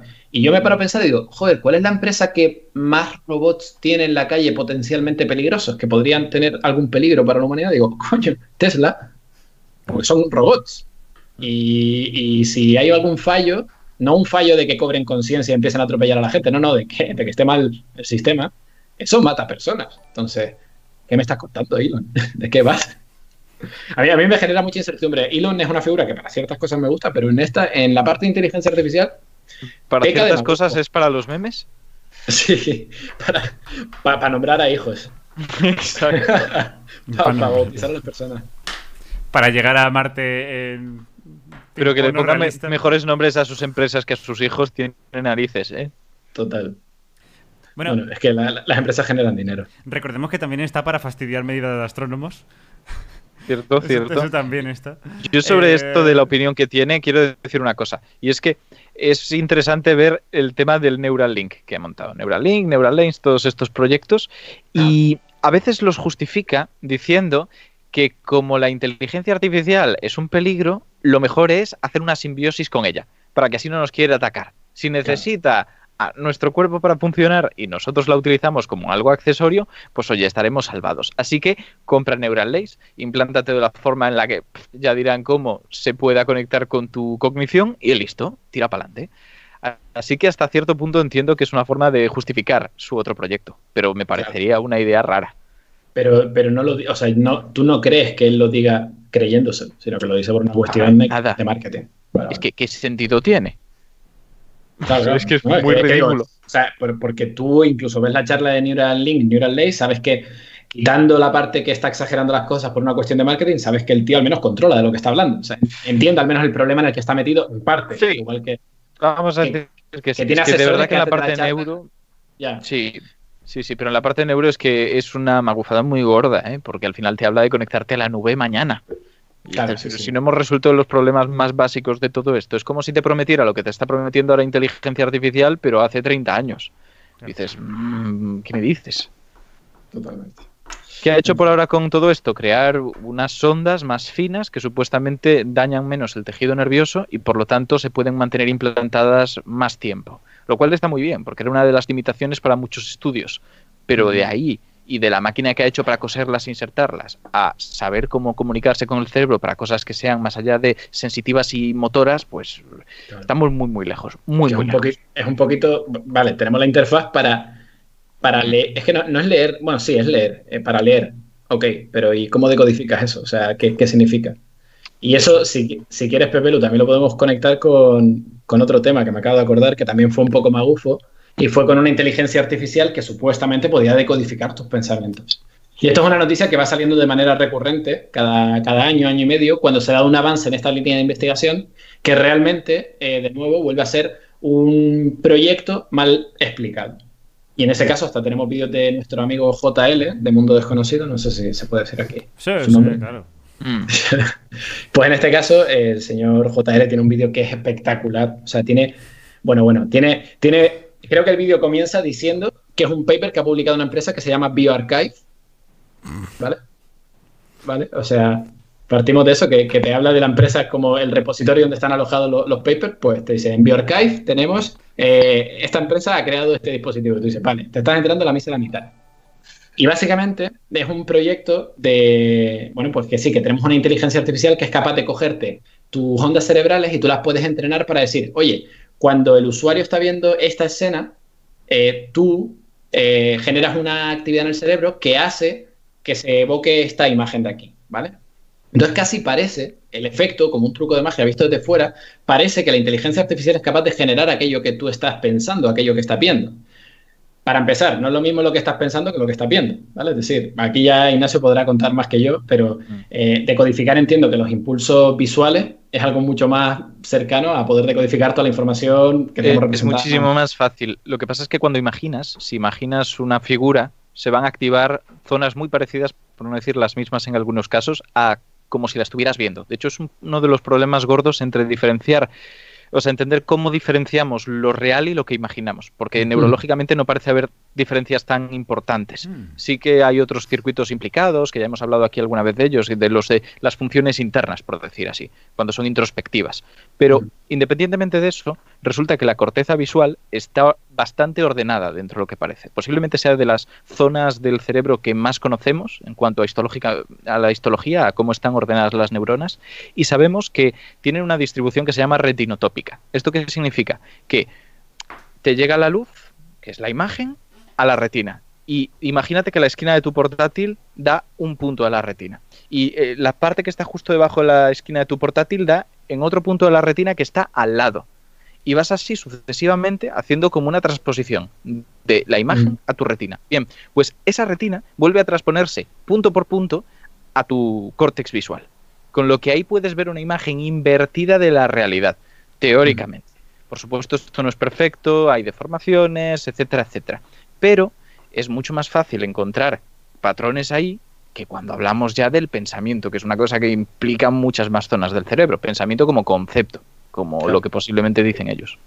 Sí, pues en este caso va por ahí, ¿no? Intentan como decodificar un poco la, la- la imagen que percibe la persona, pero es que luego hay una, una segunda trampa, y es que cuando tú entrenas a una red neuronal, la red neuronal, por su forma de funcionar, cuando tú quieres que genere imágenes, puede aprender a memorizar los datos que ves, ¿vale? Entonces, si tú antes de hacer el experimento le estás entrenando la red neuronal para que aprenda la composición de estas imágenes, realmente con que la red neuronal sepa de, ya no decodificar tu imagen visual que estés pensando, estés percibiendo, sino simplemente con decodificar la clase, la categoría de lo que estás pensando, ya puedes decir, ah, vale, he decodificado que estás pensando en cascada, te voy a generar una de las imágenes de cascadas que me has mostrado antes. Entonces, claro, tú ves la imagen y dices, ¡guau! ¡Qué guapo! Es que está detectando hasta, hasta la forma de la montaña. Y dices, no, amigo, es que se la ha memorizado y le está llegando la señal incorrecta. Entonces, claro, tú cuando entiendes cómo funciona esto, dices, otra vez lo están exagerando, pero te lo coge JL y te empieza, te pone la música, la voz, tal, no sé qué, y te dice, bueno, una inteligencia artificial creado por el departamento de no sé qué. Ok. Claro, y es que, además de eso, evidentemente, si tú cambiaras de persona, si tú cambiaras de objeto y todo eso, se iría al traste. Todo era lo más seguro. No sé. No sé, ahí ya que hable Ignacio del cerebro. No, no he escuchado la pregunta porque estaba leyendo que, que no sé qué pasa aquí con Parador, que le han dado una última oportunidad. Ojo. Le ha dicho Custodia, en primer aviso, no querrás el segundo. Oh, oh, mama, oh, mama. Y no me he enterado de lo que ha ocurrido. Igual que también nos hemos, hemos pasado por alto una encuesta. Pero bueno, mientras nos respondan a eso, a qué, en qué consistía la encuesta y qué pasa con Parador, ¿cuál era la pregunta? No, No, o sea, que pregun- la, la- la apreci- la apreciación es que, aunque tú entrenes una red neuronal o que tú hagas, entrenes un sistema de machine learning para que haga una tarea que, digamos, depende del cerebro de una persona o depende de las ondas cerebrales de una persona, ¿eso te garantiza que si lo pruebas con otra persona, los No. resultados vayan a ser los mismos? No, no, ¿verdad? En absoluto, en absoluto. Eso tendría que calibrarse otra vez. Es posible que, Vaya. que te valga parte de la información, pero también la pregunta es ¿para qué quieres esa información si vas a tener que probarlo igualmente? Claro. No sé. Eh, no sé, eso también me hace pensar hasta qué punto esto de- del link, del Neuralink, neuro, neuro, Neuralink o. Neuralink. Es que lo que tiene es Neural Lace como la empresa, ¿no? Y el proyecto es Neuralink, creo. Sí. Si no es al revés. O sea, mi pregunta es que, aunque, o mi, mi, mi concern es que, aunque tengas todas estas herramientas tan potentes, eh, es posible como que solo sean, es decir, solo los puedas entrenar para una persona en concreto y que, digamos, Mm. no puedas generalizarla a todos los tipos de personas porque tal vez, no sé, cómo es, cómo es el funcionamiento de nuestro cerebro por dentro, no es como idéntico en todas las personas. Pero es que en principio aquello que han creado le tiene que dar un poco igual eso. Quiero decir, eh, los cerebros serían suficientemente iguales como para que esas diferencias las aprendieran por aprendizaje. Cada persona tendría que, que calibrarse. Claro. Igual que tú calibras tu, yo qué sé, tu pantalla de ordenador y tardas igual pues tu minuto y medio, pues esto igual tardarías unas cuantas horas en función de lo difícil que sea. Si yo Exacto. quiero hacer eso para que la persona pueda encender o apagar un teléfono y yo creo un dispositivo que puede recibir esa información y tal, eso sería relativamente rápido de calibrar. De hecho, Mm. ya existen cascos externos que pueden controlar dispositivos de forma muy básica.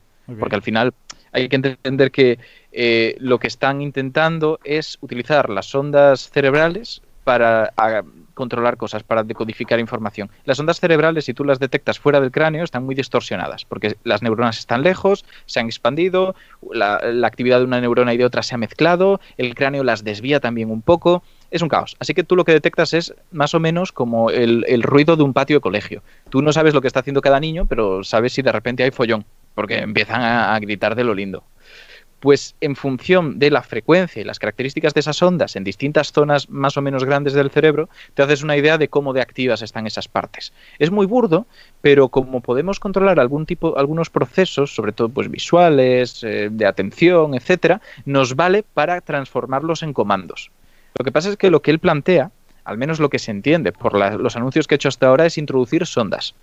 Eso permitiría eliminar el problema del cráneo, que lo que hace es desviar la, la señal, y además tener muchísima más sensibilidad a un grupo más pequeño de neuronas, tal vez 400, 500 neuronas, que eso sería una maravilla, con lo que te da mucha más resolución. ¿Qué pasa? ¿Cuántas ondas tienes que meter? Ah, pues eso, eso ya es otro tema, mm, pero... ¿Y, dónde las pones también? ¿Cómo las Por, por supuesto.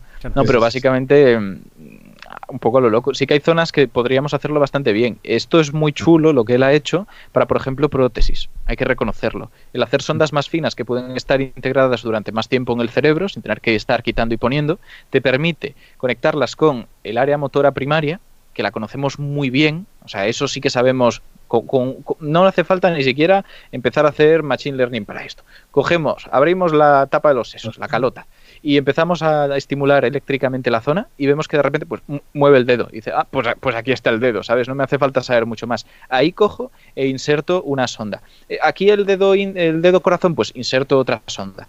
Y cuando tengo todo eso calibrado, lo conecto con la prótesis y la capacidad de movimiento sería mucho más fina, mucho más chula. Y eso ya no es tanto ciencia ficción. Yo suelo ser Claro, reticente sí, a sí. esto, pero esto está bastante, bastante estudiado. Lo que Cuando pasa es que tiene- había una limitación mecánica y puede Claro. que estas ondas las superen. Cuando se tiene ya luego lo conectas a Twitch con una API, Eso el que es. se suscriba puede, conectar- puede manipular tu brazo. Exacto. Cada Exacto, suscripción es un, un movimiento. Pero, sí, o sea, al final es esto, ¿no? El, porque yo cuando hice el vídeo, porque tengo, tengo el vídeo este, ¿no? De, de leerte la mente, y cuando lo hice vi que efectivamente hay sistemas que ya te, que son invasivos, que te abren el cráneo directamente y te enchufan ahí el tubar, ¿no? Y es muy bestia, es muy drástico, pero es para personas que tienen problemas graves de, de movilidad. Y lo que propone él es que, claro, yo entiendo, es que me- es como una discusión ética, ¿no? Porque tú dices, a ver, entiendo que está exagerando, pero está dando pasos. ¿Sabes? Es decir, a lo mejor ese, esa exageración que hace le sirve para caminar y llega a buenos sitios. SpaceX es una demostración. Puede ser. La tecnología de Neuralink, más allá de que no vaya a ser en la vida, o al menos en el corto plazo, una interfaz cerebro-máquina que nos vaya a servir para esto, pues tiene aplicaciones médicas súper potentes, que te dan más resolución temporal y espacial a la hora de leer la, la actividad cerebral. Entonces, bueno, pues, pues ok. No sé, se nota que el tío mm, invierte pasta en, en cosas que, que, que son como eso, muy como de futuristas, ¿no? Por así decirlo. Algunas le salen bien, otras le salen mal. Algunas acaban siendo abandonadas, otras no. Sí. Eh, no sé. Veremos. Dicen por aquí, la única manera de hacer bailar a los crespos es con sondas cerebrales. Me parece maravilloso. Bueno, casi que podríamos decir que Elon Musk, al menos como figura pública, es prácticamente un evangelista. Sí, bueno, ha- hace cosas, eh, al menos hace cosas, no solo A ver, es de lo suyo, pero, pero hace cosas, efectivamente. hace cosas, sí. Cosas, hace cosas. Tenemos la respuesta a lo que había hecho Parador, que resulta que es que intentó atentar contra la figura de Nuestra Señora Suprema Nevesu implantando un líder pagano llamado Elon Musk. Eh, aquí solamente se le rinde culto a, a Nevesu, por Sí, supuesto. a nadie más. Cualquier otra cosa es punible. Vale, pues dicho todo esto, yo creo que podríamos ir cerrando esto. No sé qué os parece, caballeros. Me parece maravilloso. ¿Alguna, eh, Carlos, eh, ¿quieres dar unas últimas palabras de conclusión, por favor? Pues sí, pues ahora que lo propones. Eh, chicos, chicas, como evangelista que soy, quiero comentaros eh, que tenemos que estar todos alerta de esta tecnología que poco a poco está eh, invadiendo nuestro día a día, nuestra vida, que está eh, llamada a cambiar toda nuestra sociedad. Efectivamente estoy hablando de chupar sapos. Eh, quiero que todos estemos atentos a, a la nueva tendencia que ha abierto Nacho Vidal. Puestos a abrir cosas, pues también ha abierto una tendencia. Entonces, en ese sentido, Madre Eh, mía. Oh, no. Qué final, qué final. fumad, fumad sapos, pero siempre eh, mm, con filtro. Adiós. Vale, Mis dieces. olvidad todo lo que ha Mis dicho. dieces. Ponedle vuestros dieces, pero luego olvidadlo todo. Olvidad todo. todo, Las normas de Twitch, por favor. Normalmente cuando hago estos discursos se me da bien a echarlos, pero luego nunca, a- nunca se acabarme. O sea, soy como una IA. Yo en ese sentido estaría generando discurso Contenido infinito. todo el pero- rato. Sí. claro, pero si me dices acaba, acabo siempre mal. Súper mal. Pero escucha que, que eso tiene una solución muy chula. Los Monty Python se hicieron famosos sin saber acabar un solo sketch. O sea, si tú ves sus sketches, no hay ni uno que tenga un verdadero final. Lo que hacían era interrumpirlo con un sketch nuevo. E iban alternando. Pues tú tienes que crear como varios discursos paralelos y de repente que te dé la venada, te cambias de gorro, lo que sea, para indicar y empiezas a hablar de otro tema. Y pasas de los sapos a, a, no sé, que los jubilados tengan tantos descuentos, ¿sabes? y sueltas ahí Maravilloso. Joder, Ignacio, acabas de arreglar la comedia, o sea. Por supuesto. Acabas- bueno, no, yo no. acabas Los de Monty Python. Eh, eh, Bueno, pero, pero públicamente. ¿Pero por qué mismo. triunfaron tanto? Ah, ah. mm, Ah, ah, ah. mm, Pues por eso. Es que de verdad que es, es brillante, porque los finales son lo, lo más desagradecido de todo. Los tenemos tan sobreestimados que puede, podemos haber visto un contenido brutal, pero que justo el final ah, no acaba y ya se va al garete todo lo que hemos visto. Lo juzgamos de forma súper dura. Pues ellos encontraron la forma de, de evitarlo. Exactamente. Eh, muchas gracias por tu donación. Eh, dice que se va a ir a chupar cosas, o sea que. Y, y- y que es culpa nuestra encima. o sea Como Nacho Vidal y, y no sapos. Uy. No, no, no chupéis cosas alucinógenas, chicos. No está bien. Y gracias a Mickey Doc por los cheers, los bits esos que nos ha dado. Sí, muchas Otra gracias. Bueno, Carlos, muchísimas gracias por pasarte. Ya sabéis, TOCSV, canal de referencia de inteligencia artificial, siempre aprenderéis mucho. Eh, muy recomendable su último vídeo sobre cómo generar un videogame utilizando inteligencias artificiales, así a lo loco, el Pac-Man. Eh, estaba muy chulo. Tus- eh, están flamísimos tus últimos vídeos.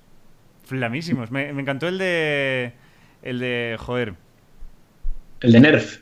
Sí, ese. Ese está guay. Que ese, ese es un temita. Ahora es cuando dice, pues no hice ningún vídeo de Nerf. Lo hizo una IA. ¡Ja! Fue un sapo. No, pero el vídeo de, el de Nerf eh, es un vídeo que a los que nos gusta la parte de diseño gráfico y tal, hombre, toca la patata. Que son temitas chulos. Por lo general, los que has estado haciendo de cosas de diseño gráfico, de super resolución, de super, resol- super eh, fluidez. eh, Sí. mm, mm, mis dieces. No, mis son muy mis ricos, son dieces. Mis dieces Lo, totalmente. lo disfruto hasta haciéndolo, sí, sí, sí. Sí, sí. All right.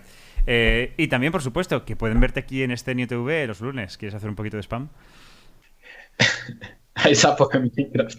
Eh, tengo un programa, el- eh, tenemos un programa aquí en Esenio. eh, los lunes se llama Ciencia al Cubo y hacemos divulgación loca dentro de Minecraft con Roberto de Teorema Pi, con Adrián de Físico Barbudo, Aitami hablando de química, Breaking Bad hablando de química. Y nos vamos turnando cada semana para intentar cubrir un tema de divulgación, pero dentro del mundo de Minecraft, lo cual es un reto. Y, y yo creo que hemos sacado cosillas chulas y, y que está bastante guay de ver. Así Ah, que los lunes a las tortuga. 7 de la tarde se pueden pasar. Exactamente. Y, Y- bueno, tú y yo tenemos pendiente Hagamos en promo, ¿no? Minecraft. Ah, sí, acabad con Minecraft. acabad con Ah, una pelea, Minecraft. una pelea, una pelea. Bueno, hombre. Mira, A ver, la Carlos, última vez, mira, mira, Carlos, ya te lo tengo que decir públicamente ahora mismo. Me parece fatal. He intentado ir en son de paz tres veces. Y ¿Qué las dices? tres. ¿Qué tal dices? cual. Tal cual. Pero, a o ver, sea, fue Si en son de paz es lanzarme una flecha cuando estoy volando. O sea, ahora, la- ahora, ahora vienes no en son de paz porque, porque ya estoy flecha. No, no, no.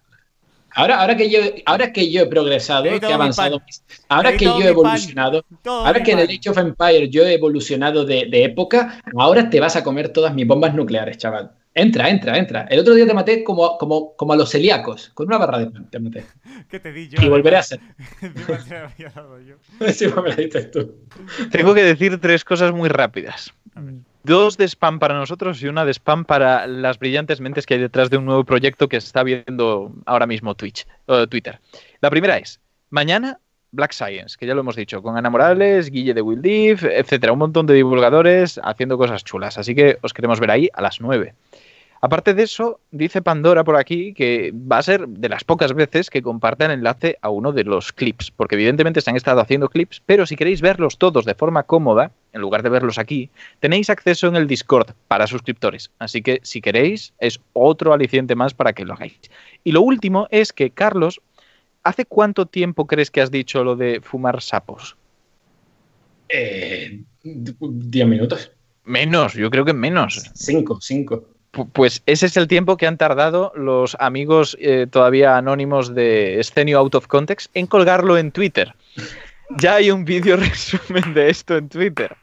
Mil Es gracias, maravilloso. Mil gracias, mil Es gracias. como quiero ser recordado, la verdad. por- Exacto, por- por ese así mensaje. que eh, una maravilla. Y voy a hacer una cosa, voy a dejaros el arroba de, de esta gente que no sabemos quiénes son, pero que de verdad nos, van a dar o sea, la vida con, Un con abrazo estas muy cosas. grande. Un abrazo muy grande a Mira, ellos. Eh, ay, no, sí, ahí lo tenéis. Tenéis el arroba para que les busquéis en Twitter. Bueno, y si me, añade- si me dejas añadir una cuarta cosa, si os habéis perdido eh, alguna parte de este programa o os gustaría ver los programas que tiene Carlos de eh, Ciencia al Cubo, podéis ir a nuestro canal de YouTube en el que resubimos todo todito. Y ahí tenéis todos los programas perfectamente etiquetados.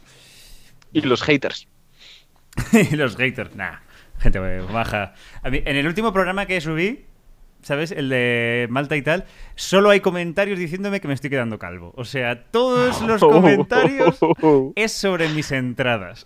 Oh. Ven a, ven a mí, Crespo, ven a mí. Ya Ay, es eso. Tenemos una clara, clara progresión aquí capilar, ¿no? Bueno, mira, no, no, no, tengo, no tengo problemas con el tema de mis entradas, o sea que. Sorry, guys. Pero bueno. Te llamaremos, te llamaremos en vez de Pepelu sin pelu. Oh. Oh, oh. Acabemos ya esto, por favor. Vale, chi- Vale. chi- Chiste de calvos por un calvo, eh, que jode. Sí, Eh, un poco, pero porque duele. ¿A quién, ¿A quién le hacemos la raid? Pues. A Alex Ribeiro. Por supuesto. Fallamos la otra vez, así que vamos a hacerle Por raid supuesto. a Alex. ¿Y qué le decimos? tirón. ¿Qué le decimos, Carlos? ¿Qué le decimos a Alex? Alex, Algo relacionado con todo esto. Algo random relacionado con lo que hemos dicho. Tengo Obviamente. miedo, como decían tus suscriptores. No, no, no. Chupa sapos, amigo. Chupa sapos. Chupa sapos, Amigo. Chupa sapos, Chupa Chupa amigo. sapos, coma amigos. O sea, no Luego paréntesis amigos, no. Luego paréntesis no, por favor. Por favor. Por si acaso. que- Ay, ay, ay. Vale, pues yo creo que lo tenemos claro, ¿no? Muy bien. Chupad sapos, amigos. Chupad sapos, amigos. En mayúsculas, si es posible, para que sea más molesto. Eh, justo lo estoy escribiendo en, molest- en mayúscula y el no en minúscula. O sea, perfecto. Vale. Os lo acabo de pasar por ahí. Great, guys. No, la gente lo tiene claro. Muy bien. Eh, Ignacio, ha sido un placer. Car- Igualmente. Carlos, encantado de que te pases por aquí. Cuando quieras vuelves. Y, y Mañana. na- y nada más, gente. Nos vemos la semana que viene, el miércoles, con más Chucres Post One Chat, aquí en Escenio TV. Adiós. Chupa sapos, amigos. Nada, chupas. Por favor, no.